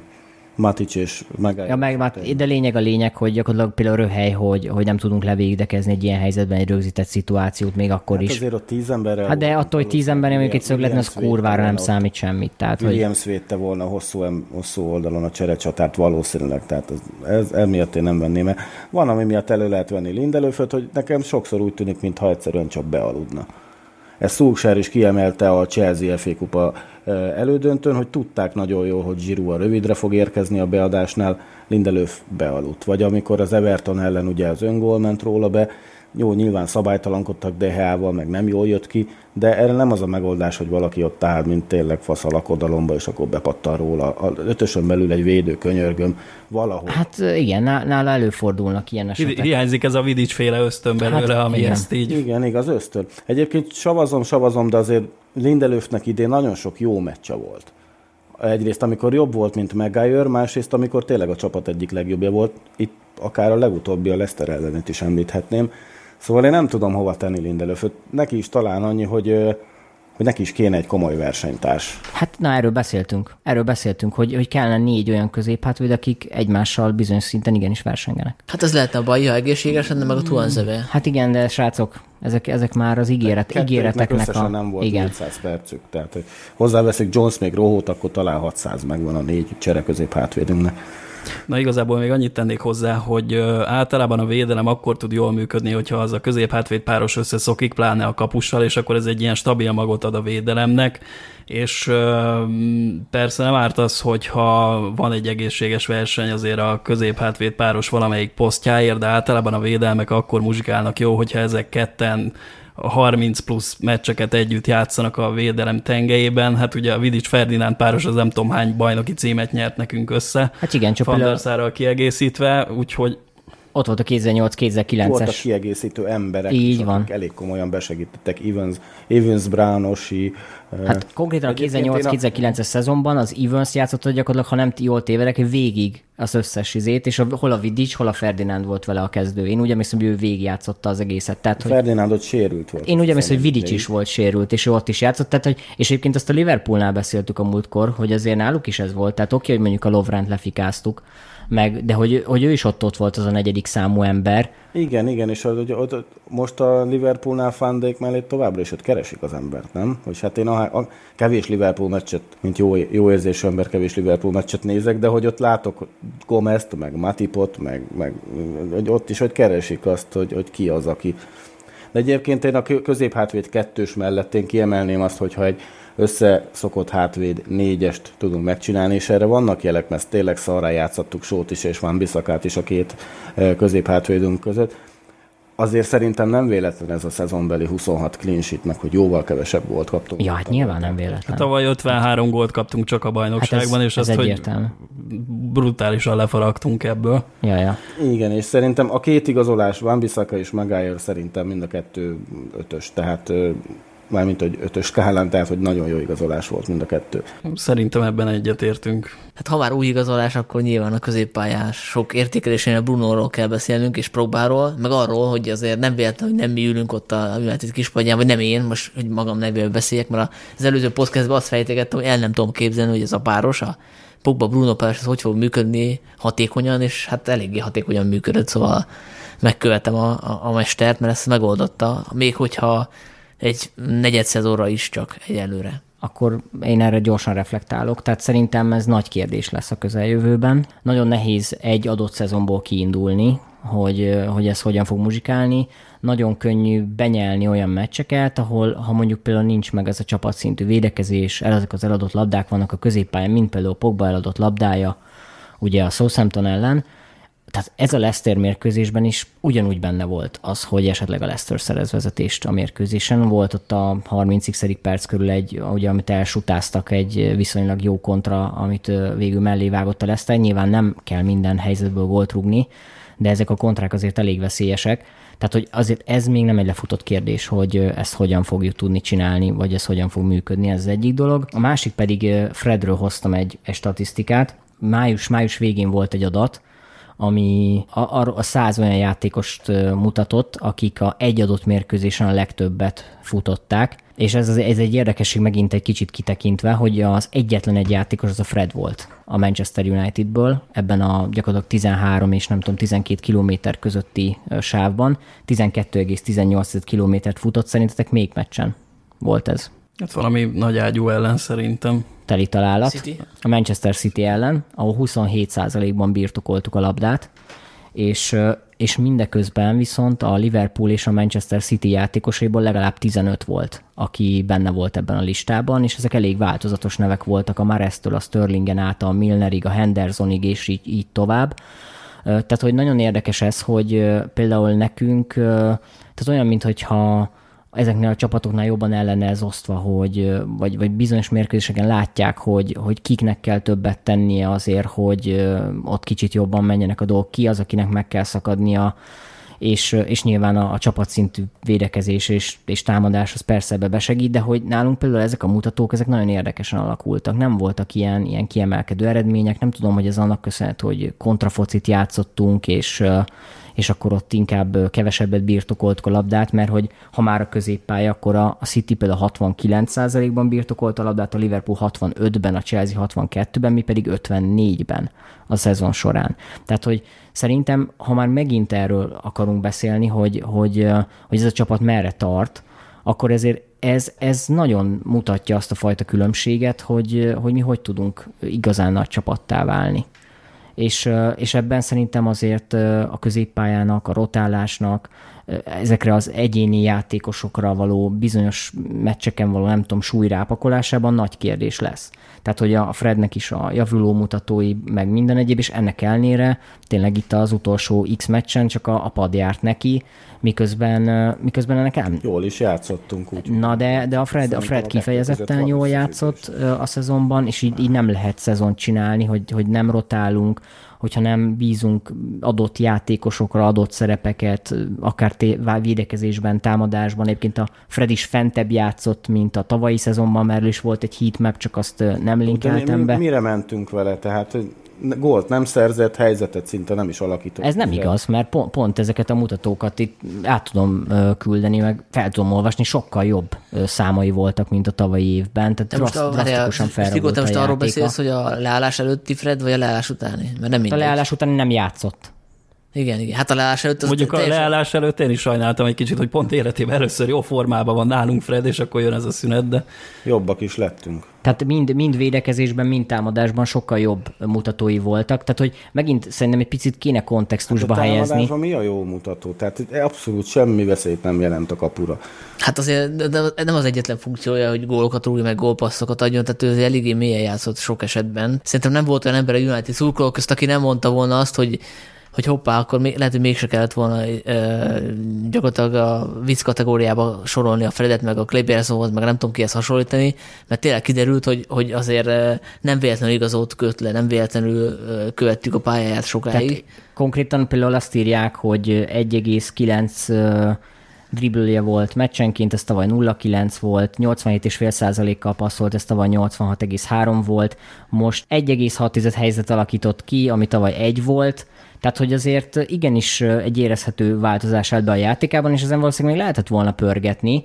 Tehát most nem probléma egyébként, ha nyilván napokban Bruno mellett érvelünk, de hogy, hogy akkor azt látni kell, hogy akkor jövőre is három középpályásunk van, kis túlzással, és akkor ez, ez meg nem működik. És ugye itt a McTominay adatait is tudjuk hasonlóan sorolni, tehát hogy ennek valamilyen koherenciát kell találni, mert hogy ez máshogy nem fog működni. Szóval, hogy értitek, hogy itt nem arról van szó, hogy most a Pogba meg a Bruno amúgy tud egymás mellett játszani, mert tud, csak hogy, hogy ebből mi lesz, így hosszabb távon. Jó, hát nem arról van szó, hogy akkor a Frednek kellene a Pogba helyen játszani, és akkor ha nem szorítjuk ki a Pogbát, akkor szarjátékos. Nem, arról van szó, hogy, hogy ne csak a padon ücsörögjön, hanem álljon be, és ne idehúzó cserének álljon be, hanem adott esetben 20-30 percre is. Hát meg nem csak 20-30 percre, akár legyen, legyen meg bizonyos mérkőzéseken a szerepe, amikor ő akár kezdőként kap helyet. Tehát, hogy mert nem lehet a Pogba a Bruno Fernandes-szel végignyomni, amúgy 38 mérkőzés sem, plusz a, a BL-eket. Tehát, hogy ennek valamilyen keretet kellene adni. De itt van, ott van Matic, ott van McTominay nálam, Fred abszolút. Hát de a, de a, Fred, a Fred az egyrészt egyrészt védekezésben, tehát egyrészt a Pogba irány. hogy jó, nem jó védekezésben Fred sem. Ne vicceljünk már. Attól, hogy sokat rohan, attól nem Nem, jó, tehát... de hogy ő egy box-to-box játékos.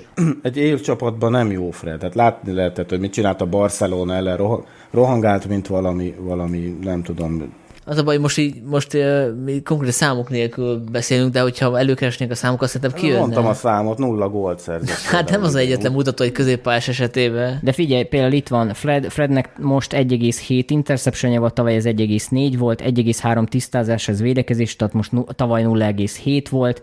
Tehát, hogy ilyenek voltak uh, tehát brutális javulásai voltak minden szempontból. Tehát Ariel Duels, tehát párharcokban is ugyanez, tehát mind, mindenben lényegében. Fred kicsit itt a, hogy mondjam, a saját védőharmadunknak a terminátora, tehát most... Szerintem már így is sokat beszéltünk. sokat de, beszéltünk. de nem csak a Fredről van szó, hanem, hanem a, a, már mint érted, a, a komplex csapatról van szó, hogy, hogy hogyan akarunk kinézni jövőre. De hát ez így nem néz ki jól, Matic Pogba és Bruno Fernandes, mint alapcsapat. De alapcsapat igen, de nem lehet végigjátszani egy egész szezont a három emberre, három középpályással. Tehát, hogy ezt láttuk, hogy milyen a végeredménye most az utolsó pár meccsen, hogy mindenki a segélyén vette a levegőt. Tehát például most akkor csak egy kérdés, te szeretnél középpályást igazolni? Erre lesz egy külön menüpont, csak mondom. Jó, csak már mint hogy érted. Most... Nem, nem, szerintem nem kell középpályást. Hát, nem tudom, egyetértünk abban, hogy Fred azért a rotálásban szerintem nagyon jó lenne, ha beszállna. Erősebben is. És igen, a, kicsit erősebben, mint Nem most. csak 20, igen. Ezt tegyük hozzá, hogy a, a Frednek akkor kellett vitézkedni, akkor tényleg mélyponton volt a csapat mentálisan is, minden szempontból. Neki egy McTominay kellett párban lennie, akit én nagyon szeretek, de azért mégiscsak egy zöldfülű játékos, és a, a Brunonak meg egy Maticsa, meg egy Pogbával a háta mögött kell alkotnia. Azért ez mekkora handicap, hogy most a Fred teljesítményét úgy mérjük hozzá a, a Brunoéhoz, hogy nem tesszük hozzá, hogy ő neki milyen körülmények között, milyen játékosokkal kellett együtt játszania. Tehát hogy azért az, az, az kabaré volt az a csapat néha a tavasszal, illetve tavaly össze, hogy milyen, hogy, hogy milyen összetételbe álltunk föl.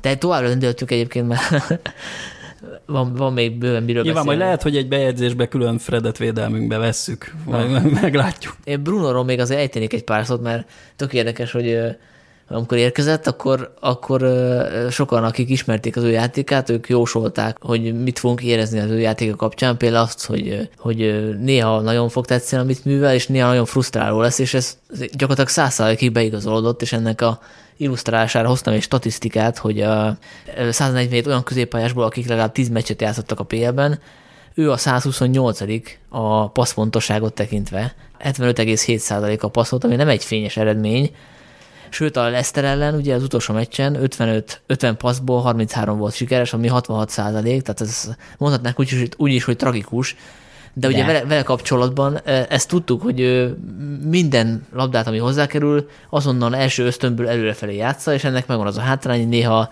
teljesen homály labdákat osztogat ki, de például a Leicester ellen történetesen az ő labdájából indult meg Martial, és úgy faltolták, és ebből lett a 11-es. És előtte is volt már egy ilyen labdája, ha jól emlékszem, ami kis ilyen helyzetet eredményezett. Hát igen, és hát én is a Leicester elleni meccs második fél időben azt, azt kérdezgettem, hogy miért nem cseréli már, már le a Szulsiár a, a Brunót, és miért nem hozom be mondjuk a Fredet, vagy nem tudom, bárkit, aki friss. Na de megint ugyanoda adunk, nem, srácok? Tehát, hogy, hogy ha, ha ennyi az eladott labda, és, és a Fred mennyivel passzolt 86%-kal, akkor nyilvánvalóan itt a különbség. Tehát, hogy ő neki több eladott labdája lesz, amiből kontrákat kaphatunk, amiből nagyobb bajba kerülhetünk, és így tovább. Ebből nekem az a Meg, tanulság. megvan az egyik- előnye a túloldalon. Igen, egyik tanulság nekem az, hogy a Brunot úgy érdemes játszatni, hogyha ha egy Matics meg egy Pogba van mögött, és ugye a Pogbának sokkal jobb számai vannak ebből a tekintetből, vagy ha nem a Pogba, hanem akkor egy, mondjuk egy NDD, aki mondjuk majd hozhatnánk, ezt erről még beszéltünk, szóval, hogy ö,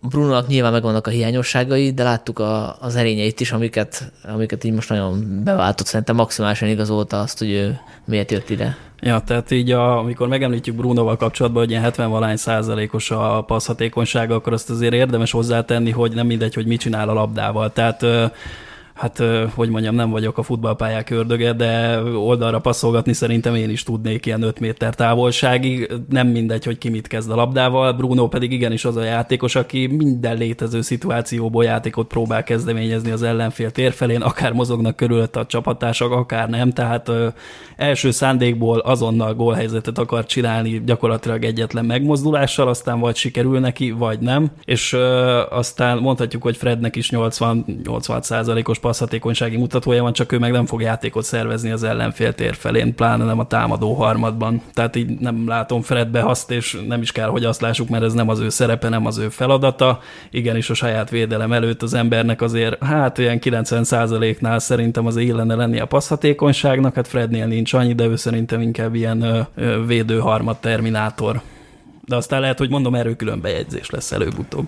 Ha már statisztika, akkor Bruno 2,1 képassz meccsenként, Pogba 1,9. Együtt ketten négy kulcspasszot adnak meccsenként, ami tulajdonképp négy gólhelyzet. Senki nincs 1,3, 1,2 itt Pereira, Fred, Rashford, Mata, Martial kimagaslik a csapatból ez a két, két ember, és nem véletlen, hogy most kezdődött, amikor összeállt, összeállt Bruno és Pogba, akkor kezdődött ez a menetelés, ugye onnantól kezdve Igen, de akkor jövőre hogy fogunk játszani mondjuk egy, egy City ellen például, vagy egy Chelsea ellen, vagy az Arsenal ellen? City ellen valószínűleg 3-5-2-be fogunk játszani. És az, az, az, hát nem működött idén sem, amikor ilyen ötletek jöttek, például Lázs az FA kupát. De korábban még működött. Az szerintem, Korábban. pont, az, szerintem Chelsea pont az egyetlen hiba, én erre néztem statisztikát, hogy gyakorlatilag négy védővel játszottuk végig a komplet szezont, és csak a nagy csapatok ellen vettük elő a három védőt, ami egész jól működött, leszámítva tényleg ezt az egy FA kupa elődöntőt, ahol hát Na jó, de hány ma- percig voltunk De három hát, de, hát, védővel? de hát más típusú játékot játszottunk akkor, hiszen Más akkor nem volt még hát- itt a Bruno,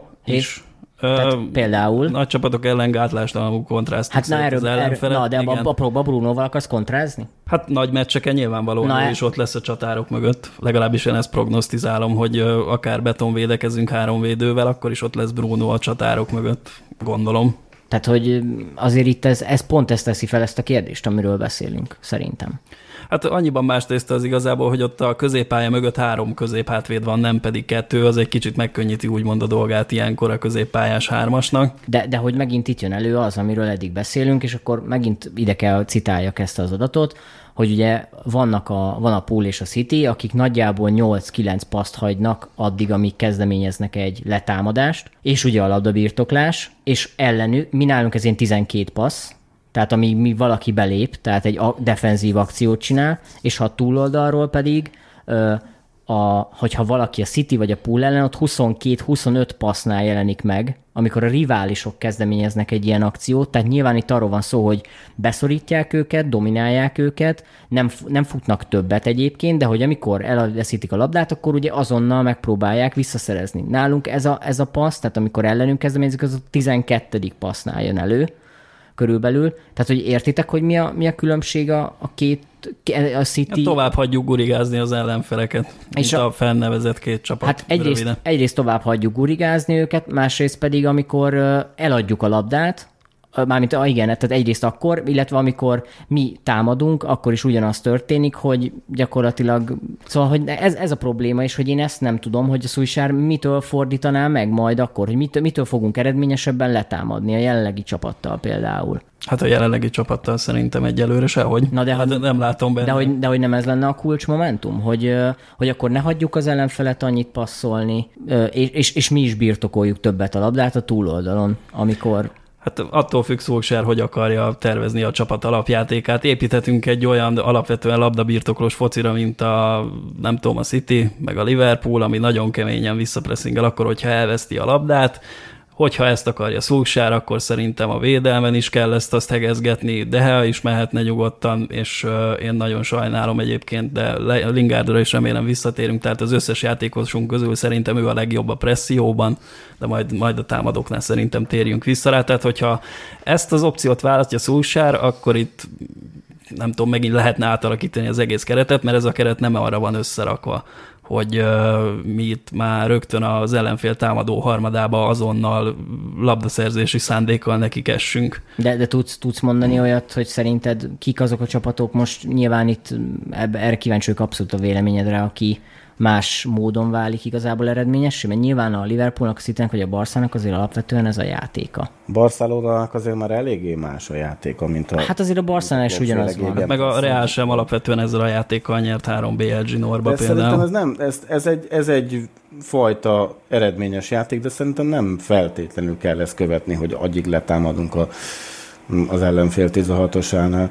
Nézd meg az Atalantát, tök jó játékot játszanak három védővel, ott sem feltétlenül a letámadás a, a, a Ny- Nyilván az Atalanta egy, egy egyedi jelenség, de, de hogy mondjuk mondom még egyszer egyébként a, a Reált nagyon nehéz mérni szerintem a, a CR jelenséggel, vagy a CR érával, akár a Juventusnál, akár a, a, az akkori Reálnál, még jelenleg is, de hogy, hogy például szerintem én nem tudom, hogy milyen, akkor úgy mondom, hogy milyen átmeneti játékstílus tudunk kialakítani, amiből eredményesebbek lehetünk, mint ez a két klub, mondjuk Angliában. Hát, hogyha erre tudnánk a választ, akkor nyilvánvalóan nem, Ne nem ebben, a, igen, valószínűleg nem ebben a podcastben beszélgetnénk, hanem most minket interjú voltak volna Szulsár helyett, de De hogy, hogy tényleg, én, én ezt gondolom a legnagyobb kulcsnak, mert, mert látjuk, hogy hát, Hát, ők ezzel, most, most- ezzel tarolnak Hát most ez, gyakorlatilag. most ez az Tehát uralkodó trend a Premier Ligában, de alapvetően teljesen másmilyen játékkal lett. Például a Leicester City bajnok annak idején, a Chelsea Contéval már megint egy teljesen másmilyen játékkal lett bajnok, lehet jó, itt de mi, másmilyen nem, de, mi nem, de mi nem, nem mi olyan szezonra vágyunk, mint ők.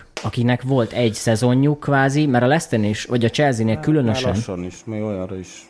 Mert az, azzal is megelégek. hogy, hogy volt egy szezonnyi 3-4-3, és utána a Conte megbukott, nem tudta ezt a szintet fenntartani. Nekünk az lenne a célunk, hogy legyen egy olyan stílusú játékunk, amelyet éveken át igenis magunkévá teszünk, a klub filozófiájává tesszük, és, és nagyjából standardizáljuk. És persze a futball Igen, változik. de ennek nem feltétlenül kell a, a Klopp főleg égen pressingnek. De, de a Kloppnál is pont ez, va, ez a lényeg, és ezt is felírtam, hogy, hogy gyakorlatilag a Kloppéknél ez, ez gyakorlatilag csökkent, gyakorlatilag évről évre.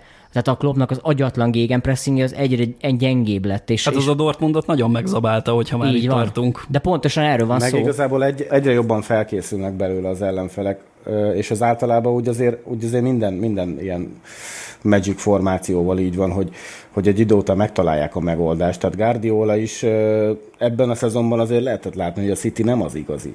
Elkapják a fonalat, lőnek 4-5 gólt, igen, de nem lehet ezt a filozófiát, hogy egyszerűen nem védekezünk, mert még a véde, védőnél is az a Hát de, fontos, hát de védekeznek, nagyon mert- is jól védekeznek. Tehát, hogy, hogy igazából pont ezért nem kapnak nagyon jellemzően több gólt, mint mi, de cserébe dupla annyit rúgnak. 102 gólt rúgott a City idén például. Szerintem nyerjük meg a bajnokságot egyszer, és utána gondolkozunk arra, hogy hogy lehet ezt föntartani hosszú távon. Hát jó, de te nem egy olyan csapatot szeretnél építeni, amiben, ha azt megnézed, hogy van a Rashford, a Martial, a Greenwood, és, és sorolhatnánk, akár a Pogba, a Bruno, a Maguire, a, a Fambisaka, gyakorlatilag ezek a játékosok mondjuk az elkövetkező 5-6-7 évben egy viszonylag standard játékot játszanak, egy, egy, ugye itt beszélünk akkor a klubfilozófiáról, meg hogy director of football, meg minden egyéb, hát akkor csak az lenne a cél, hogy valamilyen, tehát hogy legyen valamilyen irány, amit követünk. De most nem látod az irányt a, a Covid utáni csapaton? nem, a, nem az irányt látom, azt látom, hogy az egyéni képességeket a maximumra csavartuk, amiből ki tudtuk hozni azt, hogy meg tudtunk ugrani egy szintet. Azért a Sir Alex így nyerte meg a bajnokságait. Mivel? Hát az egyéni képességre építve. Igen, a játékosokból kihozod a legjobbat, akkor az is lehet egy jó taktika. Tehát, hogy minden olyan taktikát csinálsz, ami az erősségeit. Például Greenwood lehet, hogy csatárnak jobb, de így inside forwardként lehet, hogy hatékonyabb, mert kiszámíthatatlanabb. Vagy éppen Rashford, aki szintén lehetne csatár, de a vonal mellett, ahol nagyobb területe van. Hát most a, eh, szerintem a rövidre akarjuk zárni, akkor az a kérdés, hogy mi az a játék, amihez, mit tudom én, 5-6 éven keresztül nem kell különösebben hozzányúlni, tudja folyamatosan játszani a csapat, néha végzünk egy kis áncfelvarrást, és akkor garantálva van a dobogó De valamelyik nem ez helyen. lenne a cél egy csapat életében? Azért a Liverpool City Hát, ezt elérte most, valljuk be, kurvára elérték. Nem tudom. Igazából az kiderül, hogy a City meg a Liverpool, hát nem tudom, amíg várunk egy-két szezont, akkor gyakorlatilag Guardiola is, meg Klopp is anyadik szezonjaik lesznek a következő. Hát a 21-es ötödik, szezon. az biztos, most a Kloppnak ugye egy fél szezonja volt, 17, 19, 19, 20 neki, akkor 5 és feledik gyakorlatilag. Van még ideje a Solskjaernak.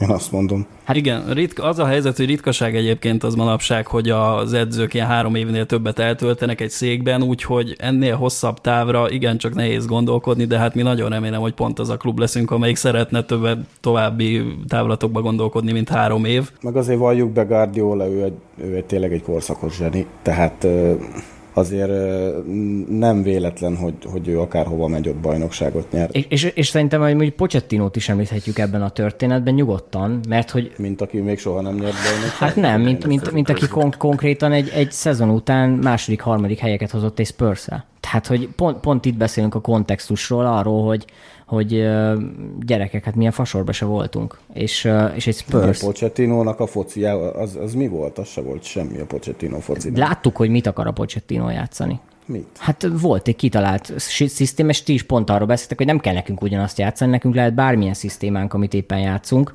csak működjön. És azért alapvetően az működött. Hát eljutottak egy És volt BL egy azért szisztéma, ezt ne, és ne volt egy el. szisztémája a Pochettinónak. Jó, de a BL döntő, tudjuk, hogy a BL azért ott már, a, hogy is mondjam, a nyolc között az, Hát de Strigo másod, második, harmadik, negyedik helyeket hozott zsinórban azt, azt adom. né- azt adom, négy hogy éven, négy-öt éven át. a BL indulás sorozatosan, de én nem szeretem, mikor Pochettinoval kapcsolatban BL döntővel érvelnek, mert azért láttuk ott, hogy a nyolc között, a négy között hogy jutottak tovább, tehát ott ö, Ez eredményeket nem, nem kell megmagyarázni. Tehát Szújsát is nyilván ez Na jó, de amikor a minősítheti. 96. percben azt vizsgálják, hogy a hogy a Citisnek a lábát érte a labda, vagy nem, meg kiestek, konkrétan kiestek a BL-ből, a VAR hozta őket, ők Hát, vissza. a futball ilyen. Az Ajax, ellen, Ajax ellen is ugye behozta Lukasz Hát, Mórát, és lőtt a három lábával lőtt egy Mester hármast.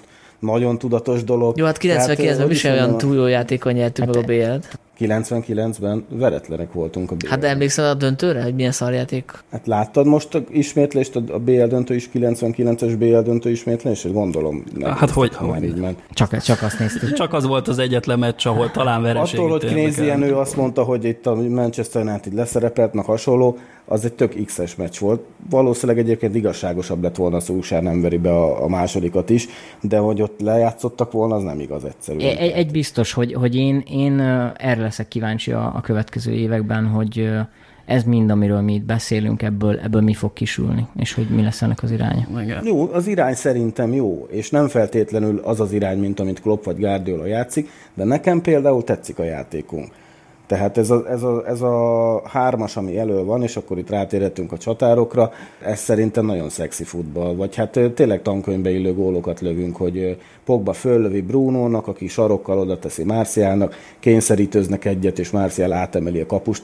Ennél tökéletesebb gól igazából nincsen. Hát lőttünk néhány jó szépségdíjas Igen, épp ezt akartam mondani, hogy igen. mint hogyha ilyen fifáztak volna a játékosok, tehát gyakorlatilag nem volt csúnya gólunk az utóbbi pár hétben. Hát az a Lingardé azért nem szépségdíjas találat, de... De, de iszonyú, tehát ezt látnotok kell, iszonyú egyéni teljesítmények vannak. Tehát tényleg a, a kvázi ennek a csatársornak hú, mennyi 20 év az átlag, vagy 20, mennyi év az átlag életkora? 21. 21, tehát hogy De hát ez 18 éves a Greenwood, De ez a Szúsjár filozófiának a része, tehát ezt az öregtől tanulta, hogy, hogy el kell jutatni a labdát valahogy fölépíteni a támadó harmadik, és utána szabad kezet kell adni a, a kreatív játékosoknak. Egyébként ez a Guardiola filozófiájától se idegen, tehát hogy ők mesélték a, a nagy Barcelona csapatnak a tagjai, hogy, hogy ez volt a, a, a, a taktika A- gyakorlatilag, igen, hogy jutassuk nekem- el a támadó harmadba a labdát, és ott a zsenik messzivel, messzivel szabad kezet, szabad Igen, ott lábat az akció befejezésére kaptak ők szabad kezet, erre beugrik egy kis sztorit, most kitérünk, hogyha megengeditek, akkor a Thierry Henry mesélt egyet egy ilyen interjúban, hogy neki ez nem nagyon tetszett egyébként, hogy Guardiola nagyon szoros kézzel megkötötte az összes játékosának, hogy a játék milyen fázisában milyen mozgásokat kell végrehajtania, mi hova passzolhat, és így tovább. Arinak ez nem nagyon tetszett, hogy csak a gyakorlatilag az akciók befejezéséhez kaptak szabad kezet, úgyhogy egy ilyen idegenbeli BL meccsen azt hiszem a Sporting ellen játszottak, Guardiola az első fél idő alatt a 45 percből 40-et azzal töltött, hogy Henrynak ordibált megállás nélkül, mert nem volt egyszerűen hajlandó azt csinálni, mert Henry úgy volt vele, hogy leszarom, hogy mit ordibálsz, "Ja, majd, én, majd én csinálom, majd én, jó, majd ezt te csak bízd rám, hogy én mit csinálok. Lőtt is egy gólt az első fél időben, és a fél időben Guardiola lecserélte a francba Henryt, hogy ezt így inkább ne. Hát ez egy jó edzői minta, vagy ez egy pedagógus szerintem. Egyébként én is azt mondom, hogy El is igazolta Henry a szezon végén, nem? Hát nem Egy tudom, szezont volt, igen. egy szezon nem, szerintem Nem, többet. kettő. Szerintem több, többet volt. Szerintem egyet. Szerintem hármat volt ott a, az Onri, de majd mindjárt megnézzük. Rijkaard alatt ment oda szerintem. hogy gyakorlatilag itt is azért kellene a Sancho még, hogy mélyítsük, mélyítsük ezt a, ezt a minőséget ebbe a csapatba, mert kevés, nem lövünk még mindig elég gólt, még mindig ezek, ezek angol focisták, ezek alapvetően remélhetőleg érzik egymást, kegyetlenül fiatalok, nagyon sok hosszú távú potenciál van bennük, tehát hogy erre én tényleg nem tudok más mondani, mert mindegyik őjükön látszik, hogy zseni, és nyilván most itt Jamesről meg Igálóról ugye nem beszélünk, de szerintem nagyon szükség van ilyen kiegészítő emberekre, nagyon szükség Abszolút. van arra, hogy ne három csatárból álljon gyakorlatilag az első sor, és egyébként amikor a Rashford, Martial, James játszotta gyakorlatilag végig ott a Covid előtti időszakot, hát látszott is nyilván a, a minőségen, meg az eredményeken, hogy ugye a James jobb oldalon kurvára nem tudta azt hozzátenni semmilyen szinten, tehát nem, Dehogy nem, nem volt, nem volt gólja, semmit nem készített elő, gyakorlatilag körülbelül 3-4 gólpasszal volt azon a jóisten tudja hány meccsen, 31 bajnoki meccsen játszott a James, Ö, Ö, erre emlékszem, hat gólpassza van. Hát 6 gólpassza van, de nem azokon a mérkőzéseken. Dehogy nem. Hát amikor a City ellen például ő a Rashfordnak jobb oldalról a gólt. Pool, azt arra- az a pool ellen volt, nem? Pool ellen? Tehát kon- konkrétan ö, nem, volt, nem nincs a csávóban semmilyen ilyen jellegű mélység, meg Én minőség. ezt kicsit párhuzamba állítanám azzal, hogy ahogy átkerült a bal szélről a jobb szélre, úgy szerintem egy kicsit megszűnt a Hát mert, nem, mert, mert, mert nem, nem azt a játékot, ő egy, egy Robben ugye gyakorlatilag ilyen szempontból, csak bal oldalról jobb fele. Tehát neki az, az a túloldal az teljesen offon van, és, és hát nem véletlen, hogy ez, ez Greenwood meg egy másik minőséget hozott, de hogy ettől függetlenül szükségünk van ilyen kaliberű játékosra, csak létszi a bal oldalon játszassuk a srácot, mert a jobb oldalon. Majd ö, erre kitérnék egy kicsit, hogy Jamesbe még ö, attól függetlenül, hogy a szezon elején hozzátett négy gólt, meg ö, hozott néhány gólpaszt, amellett ő a védekezésbe jeleskedett, a, onnantól kezdve, hogy átkerült a jobb szélre, ha már másban nem nagyon tudott szegény, tehát ö, nézegettem erről is statisztikát, és James a védőharmadban, támadó harmadban, meg a középpályán bemutatott ilyen védekezési akciókban is mind top 5-be van. James 26 meccsen volt kezdő és 7 csere, ahhoz képest, hogy kiegészítő embernek igazoltuk. Ez sok volt neki, mint első pillanat. Hát elég sok. Szerintem egyértelműen. Nagyon sok, meg a szezon elején nem nagyon kapott pihenőidőt, tehát ott rendesen játszatva volt el is fáradt szegény. Én nem azt mondom, hogy ő akár kezdő ember lehet a jövőre nézve, de szerintem egy normális keretben, és itt egyébként a Sancho igazolással egyetértek, még ha talán nem is a legjobb ötletnek bontani ezt a Martial Greenwood Rashford 3-ast, de azért szerintem Greenwood még elviseli egy ideig, szerintem, hogy csere Manchester City. Nem tudok más mondani. Nézzétek meg azt a támadósort. Hogy onnan érkezett Sancho? Nem, nem hanem hogy, hogy a City-nél milyen, milyen emberek vannak, és mennyi. Tehát, hogy egyszerűen, tehát amikor odaigazolt hát sokadiknak hát szerintem a... Sterling meg Gabriel Jesus nem férne be hozzánk ebbe a hármasba. Hát én azért itt azt mondanám, hogy nagy verseny lenne. Egyébként nem véletlen, hogy amikor például a szezon játékosait ugye nevezgették bizonyos bloggerek, meg mindenki, akkor, akkor például azért a támadósorban hát valóban nagy harc volt, mert nem csak a United, hanem a City meg a Pool is igencsak jó futbalistákat mutatott fel. Hát én nem irigylem igazából az ellenfeleket, a, ha ránézek erre a Martial, Rashford, Greenwood 3-asra. Tehát, hogy ha van hiányosság a, a keretnek, szerintem nem a támadó. Ja, annyi, hát jó, de pont az vesztük, hogy mély, mélyíteni a minőséget. Hát persze, persze. És, és. Száncsóval rosszabbak nem lennénk, csak kérdés, hogy adjunk érte ki klubrekord összeget? Hát igen, de azt nem mondhatjuk, hogy a jobb oldalra nem kell valaki, és majd a 18 éves gyerek végig játsza. Én abból szempontból nem bánnám, hogy például most a Leicester elleni meccsen is uh, egyszerűen rossz volt nézni a Greenwoodot, hogy ott kell vonalszélsőt játszani, mert ki volt szorulva, hogy pontosan tudom, hogyha középen játszana a Martial helyén, akkor, akkor ő sokkal több gólt rúgna, mert ő egy vérbeli csatár. Szerintem meg fele annyit nem érne labdába, mint Martial. Hát ki tudja, ő ugye a korosztályos csapatból középcsatárként jött, tehát ott centerbe játszották. Nem ilyen két méteres állatok ellen kellett védekeznie, mint a Premier League-ben, tehát... Hát de van ugye ellenpéldánk, például egy, mit tudom, egy Aguero például, tehát hogy vagy a, akár az egész Liverpooli támadósor, tehát hogy nem nem izénkre hát van. Most Marcial sem azzal keresi a kenyerét egyébként, Igen. hogy felveszi fizikalitásban a harcot. Tehát nem Harry van feltétlenül szükség. Sőt, ahogy hát nem Lukakura volt. Újraindítás után tök jó középcsatár, megtartja a labdákat, kiugrik utolsó emberként. Hát ugye nem véletlenül van ennyi 11-esünk. Hát igen, de ő nem a 16-oson belül birkózik a védőkkel, ő elmozog előlük, helyet nyit a többieknek, kombinálás fordal. Egyébként volt egy ilyen tök jó tök összehasonlít a videó a Marciáról és az Igalóról, hogy az Igaló mennyivel jobban tudja megtartani a labdát, miközben a Marciát azt nagyon sokszor könnyen elválasztják a védők, pláne amikor hátra, hátrafelé kapja hát, meg a labdát. Marciának nem az a, Így van. nem az a felépítés, meg nem az a szerep, hogy neki felövöldözzük a labdákat, amit ő megtart néhány másodpercig, amíg a többiek felzárkóznak mellé. Igaló a klub ellen játszik, tehát Egyelőre igen. Jobban. Na, ö, olyan érdekességgel készültem egyébként, hogy ö, aki akar szívesen az olvasgasson, például a Stats bombon ott akadtam rá egy ilyen nagyon érdekes dologra, hogy a következő a helyzet, megvizsgálták azt, hogy az európai topligákban, ugye az öt topligában a 98 részvevő csapatnál hogyan oszlik meg a, az eleresztett lövések aránya a jobb szél, bal szél és a pálya, közepe, pálya közepét tekintve, Körülbelül úgy néz ki az átlag egyébként, hogy a lövéseknek ilyen 53 kötőjel 54 százaléka jön középről, ez a 98 csapatot átlagul véve jön ki, és a balszéről 24 százalék jobbról meg 22, ez a kis két százalékos eltérés a baloldal felé, ez így kicsit természetesnek vehető, ugye alapból minden sportágban több jobblábas és jobbkezes játékos van, mint balkezes és ballábas, ez a futballban is így van. És ugye manapság ez ilyen nagy divat, hogy a pályaszéléről befele húznak a támadók, és onnan eresztik el a lövéseket, úgyhogy mivel több a jobb lábas, ezért általában ők a bal széről indulnak, és akkor erősebbik lábbal befele húzva lövöldöznek kapura. Ez nálunk is így van, de a 98 csapatot figyelembe véve a mi átlagunk borult fel a bal szélre gyakorlatilag a, a legjobban.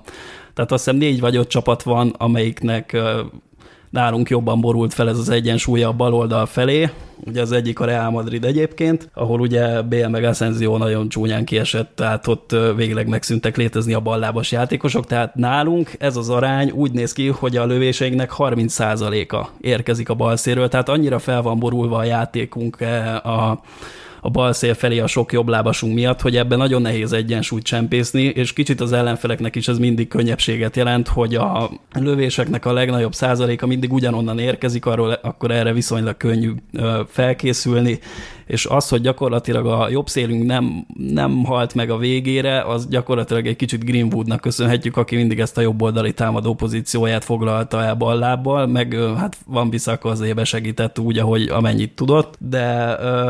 És hát ez most... ugye a Marcia Rashford jelenség, ugye, ahol nem beszélhettünk arról, és ugye ezt a heatmappeket megint csak belinkeltem, hogy ugye gyakorlatilag ők viszonylag egy ilyen egymással helycserélős. Igen, tehát ők pont abba a baloldali féltérbe, féltérbe kombinálgatnak így egymással, van, jobb van lábasokként, és gyakorlatilag a jobb féltérben nincs meg ez a Így van. nincs meg ez az átutó erő, úgyhogy... De ebben még az is belejátszik szerintem, hogy a, a szezon első felében ugye még baloldalon olyan játékos volt, aki kaput támadott, akár Rashford, akár ugye James, addig a jobb oldalon ott Lingard, Mata, akik... Hát csak James utána, ugyan, James utána még nyomta a jobb oldalon, Strigó, hát ő játszott. De nem lőtt, de, de jobb oldalon inkább... De jobb lábasként hát, a jobb szélen nem nagyon fog kaput támadni soha. Ezért is kicsit csalóka lehet ez a fél oldalas statisztika, de szerintem, ha ezt szintén Covid után vizsgálnánk, akkor még talán a jobb oldalról több lövésünk is jött Greenwood által. Hát Greenwood által, tehát hogy valamennyire nem döglött meg a jobb szélünk, azt szerintem Greenwoodnak köszönhetjük. Bruno Pogba is ö, sokszor ott kombinált. Igen, a Bruno bár... az a kedvenc területe. De ez van konkrét statisztika. Csak azért mondom, a Stanley most ingatja a fejét, de most pont volt az Atletiken egy cikk a Brunoról, és neki a kedvenc pozíció, lövési pozíció, illetve ahonnan indításokat tol be, az a jobb, jobb szél. Bruno mindenhonnan lő kb. Tehát erre érdekelne egy adat, mert azért a Pogba meg bal fele kombinál, ugyancsak, tehát hogy... Már nem, már, már mióta Matic a párja, inkább Matic van bal oldalon, és Pogba van jobb oldalon, ha észrevetted. Bruno abban kicsit abban a jobb oldali féltérbe helyezkedik, és általában mivel Rashford, Martial, ők a támadásaink fókuszpontjai, ők a bal szélen nyomják egymással a kombinációkat, ő azért általában abba az irányba küldözgeti a labdákat. Na, nem arra akartam kiukadni, hogy a labdaérintések hány százaléka történik a pálya melyik részén, hanem a helyzeteink és a lövéseink honnan jönnek. Aztán, hogy hol Igen alakítjuk ki őket, az meg megint más kérdés. Így van. És szeretném, hogyha ugyanilyen gyönyörű tűzerőnk lenne a pálya jobb oldalán is, mint a bal oldalán is. Igen. Röviden szólva Igen. ennyit. Sancheznek milyen lába van? Jó, vagy... Sancho-ra gondolsz? Sancho, Mert... Sancho, Sancho, Sanchez jobb. Ne. Sancho jobb. Sanchez jobb, jobb lábas, de, de ugyanakkor nála látjuk azt, hogy nem kell megmagyarázni az adatait. A csávó 87 mérkőzésen 33 gólt lőtt, és mennyi 39 gólpaszt adott két szezon alatt. Tehát, hogy én, én leszarom, hogy ez a Bundesliga tehát, és egyébként a váltottban, ha mondjuk... Azt is leszarod, hogy a Dortmund? E, jogos az észrevétel, de hogy én pont azt látom, hogy ma már mi is vagyunk annyira attraktívak a, a futballban, mint mondjuk a Dortmund. Vagy... Nem, ezt nem, nem, nem így értettem, hanem hogy a Dortmundból igazolni Hát igen, de a Sancho-nál annyi, annyi az abszolút vétető, hogy ő angol, láttuk a válogatottban is játszani. Egyébként, ha a Koszovó meccset megnézitek, ahol, ahol jobban brillírozott a csávó, tehát egyrészt kurva jól mozog be, tehát nála nincsenek azok a azok az ilyen nagyon lenyomott dolgok, mint a, mint a Jamesnél, tehát hogy ő simán, simán bentebb, bentebb lép, tehát nem feltétlenül az a játék, amit akár a Bissakán, én le akarom vinni a vonalra, be akarom adni, hanem, hanem ennél jóval direktebb a fickó. Tehát, hogy... Ó, én nekem tetszik a játéka, én szeretem, nem feltétlenül Koszovó ellen, mert az, az EL szint, vagy még az se. Vagy, vagy könnyen áttéved egy picit egyébként ő is a, a másik oldalra, vagy középre, tehát nem tudom, a Dortmund elleni mérkőzés megvolt, vagy a Barcelona elleni mérkőzés megvolt. Nem az a kérdés, hogy le akarjuk-e igazolni, hanem hogy hajlandóak vagyunk-e egy irgalmatlan nagy összeget kifizetni, ami lehet, hogy száz. Szerintem egyszerűen muszáj, muszáj lesz a minőség érdek. Tehát én, én, nem, én, én azt gondolom, hogy ezzel a csapattal nem lehet ezt a szintet megugrani, és mehetünk az igazolásokra beszélni. Igen, hát Jó, hát már kinyitottuk igazából. Én azt gondolom, hogy 100 milliót olyan játékosra fizessünk ki, aki hiányposztra érkezik, és nem tudom, most a Sancho arra érkezik A el. jobb, jobb oldalán nincs, nincs hiánya De- hát de van, csapatban. de van, Nincs. van, a középső hátvéd vagy? Nem, nem, a, a, a Matis posztja. Tehát ott ne egy 32 éves emberre építsünk. Ebben igazad van. Egy, hozzuk ide egy Andy. Ebben igazad van, de ezt a kérdést elbuktuk, mert a Matics kapott egy három éves Hát szerződést. ő kiegészítő embernek is jó. De ott van a McTominay is. Ő is jó.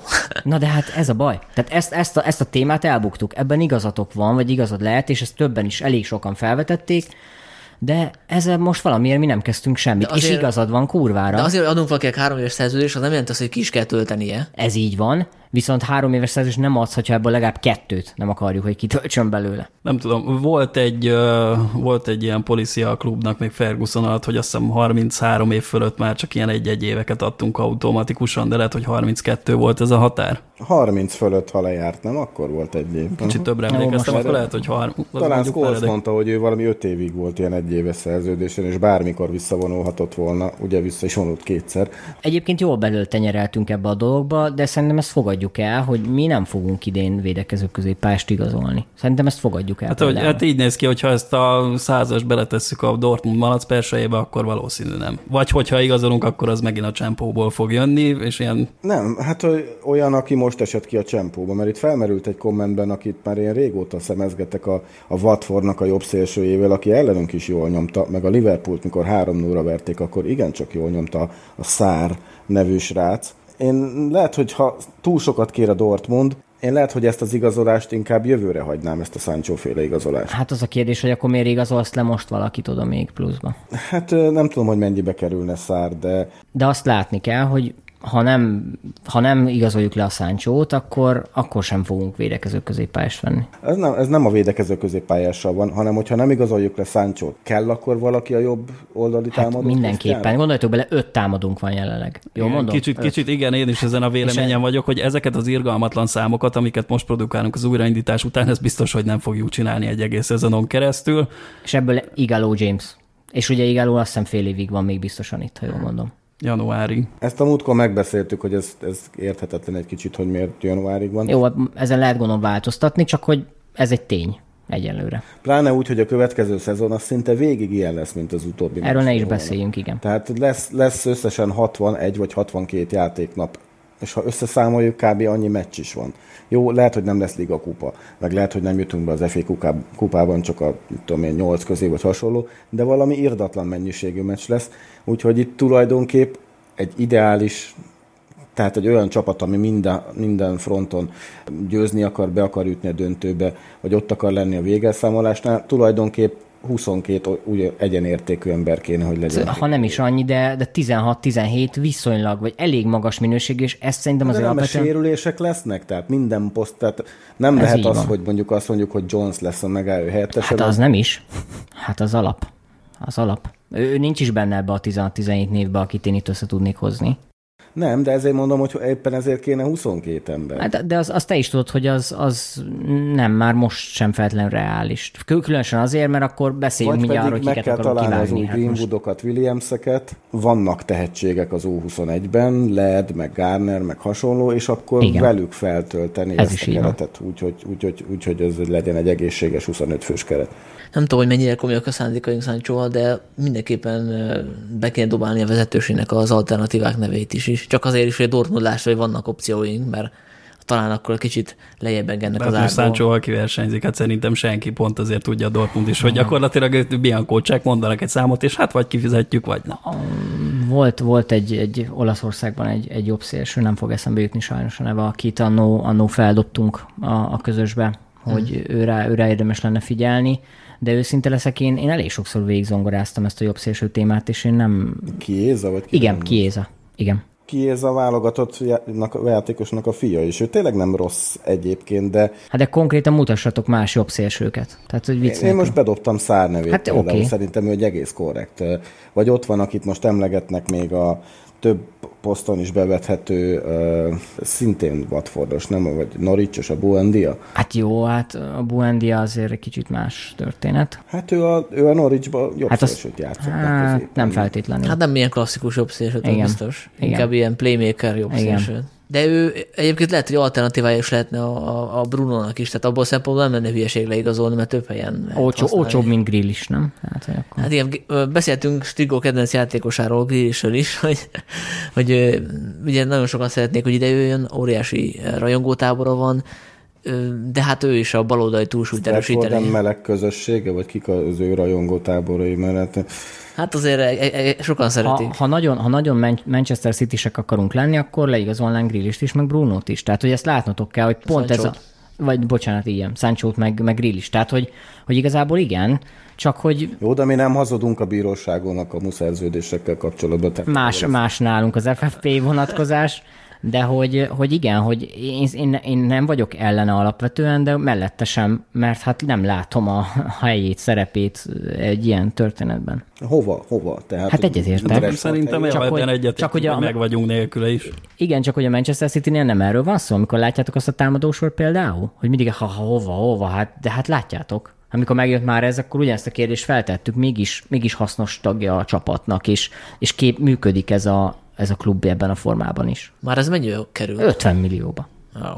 És azért ott van ugye a David Silva, a De Bruyne, a Bernardo Silva, a Sterling, a, a Jesus, azt hiszem nagyjából ez a mag. Na jó, de jelenlegi helyzet szerint a, a grill is az nem 50 millió lenne, hanem több. Ez a Hát probléma. valószínűleg igen. Ez, a így probléma. Van. Ez így van. És ez ilyen rossz precedens teremt, hogyha azt látja mindenki, hogy a United-et ö, le lehet venni 100 millióra, gyakorlatilag egy átlagnál jobb angol játékos. És a Zané, Zanét hagytam ki egyébként, aki még egész szezonban sérült volt, aki most már eligazolt. De hogy na, gondoljatok bele, tehát hogy le, lehet, hogy nekünk is e- ezt a szintet Foden. pedig meg kell né- Na hát meg Foden. Tehát lehet, hogy ezt a szintet nekünk is meg kell lépni, szóval szerintem ezt nyissuk ki ezt a témát, vagy beszéltünk erről. A Sancho vonal az ez lenne, de a Grealish vonal az nem. Hát Grill is és Sancho is akár. Ezen a két néven szerintem lendüljünk túl, mert itt, itt eszünk hajnalig is. Van-e még valaki, akit szerintetek le kéne igazolni, vagy melyik poszt az, ami... Jó, Endidit említettem. Hát közép Közép hátvéd. hátvéd posztba, ha gondolkodunk, akkor nekem a, nekem a favoritom, de ez már több éve a, a szlovák válogatott Skrinyár az Interből. Ú, róla mondanék még egy-két dolgot. Ő szerintem nagy erősítés lenne. Én, én őt először talán egy Inter Barcelonán láttam játszani, azzal, hogy úgy levette a Barcelona csatársorát körülbelül. Aztán láttam ellenünk játszani sajnos, ugye amikor a szlovákok nyertek ellenünk, mm, ott csak adtak gólt, meg azóta, hogyha intermeccset látok, akkor őt, őt követem, és hát szerintem ő, ő nagy erősítés lenne a csapatnak, hogyha Lindelő fejére tennénk mondjuk. Nem tudom mennyire, hát csak azon az egy meccsen láttad, vagy azon a kettőn. Ö, igazából én se, az a helyzet, hogy sajnos természetesen én sem nézek annyi intermeccset, mint amennyit szeretnék, de úgyhogy ezért nem nagyon vannak róla saját szemmel szerzett tapasztalataim, de elvileg a, az, a, az a kis elemzés van Skrinyáról, mert így azért természetesen próbáltam utána olvasni, hogy a szerelésben azért nem nagyon jeleskedik, de a, a másik, amit láttam róla leírva, hogy azért ő szervezgeti a játékot a védelemben, megállja a helyét ugye négy meg három fős védelemben, mert játszott ugye az Inter alatt az olaszok nagyon szeretnek így váltogatni három meg négy védő között, tehát ő megállja a helyét három védővel, meg két belső középhátvéddel, és jobb és baloldali középhátvédként is, úgyhogy ilyen szempontból ilyen nagyon sokoldalú, indítja az akciókat, passzolgat, és a kifogás, ami lenne vele, az mondom, amit az elején mondtam, hogy nem szerel annyira jól, ahogy azt egy középhátvédtől el lehet várni. A másik meg, hogy az olasz bajnokság azért nem az a,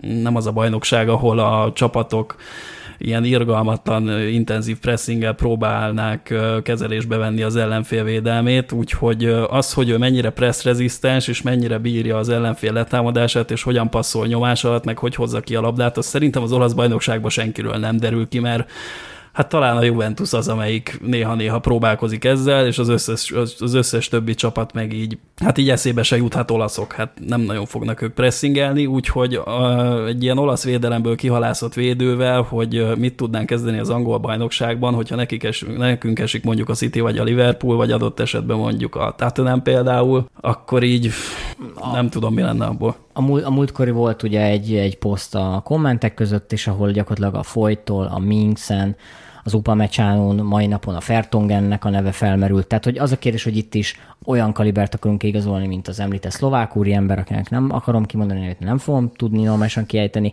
illetve az Upamecsáno, akik, akik kvázi, hát drága védők, fiatal védők, stb. stb.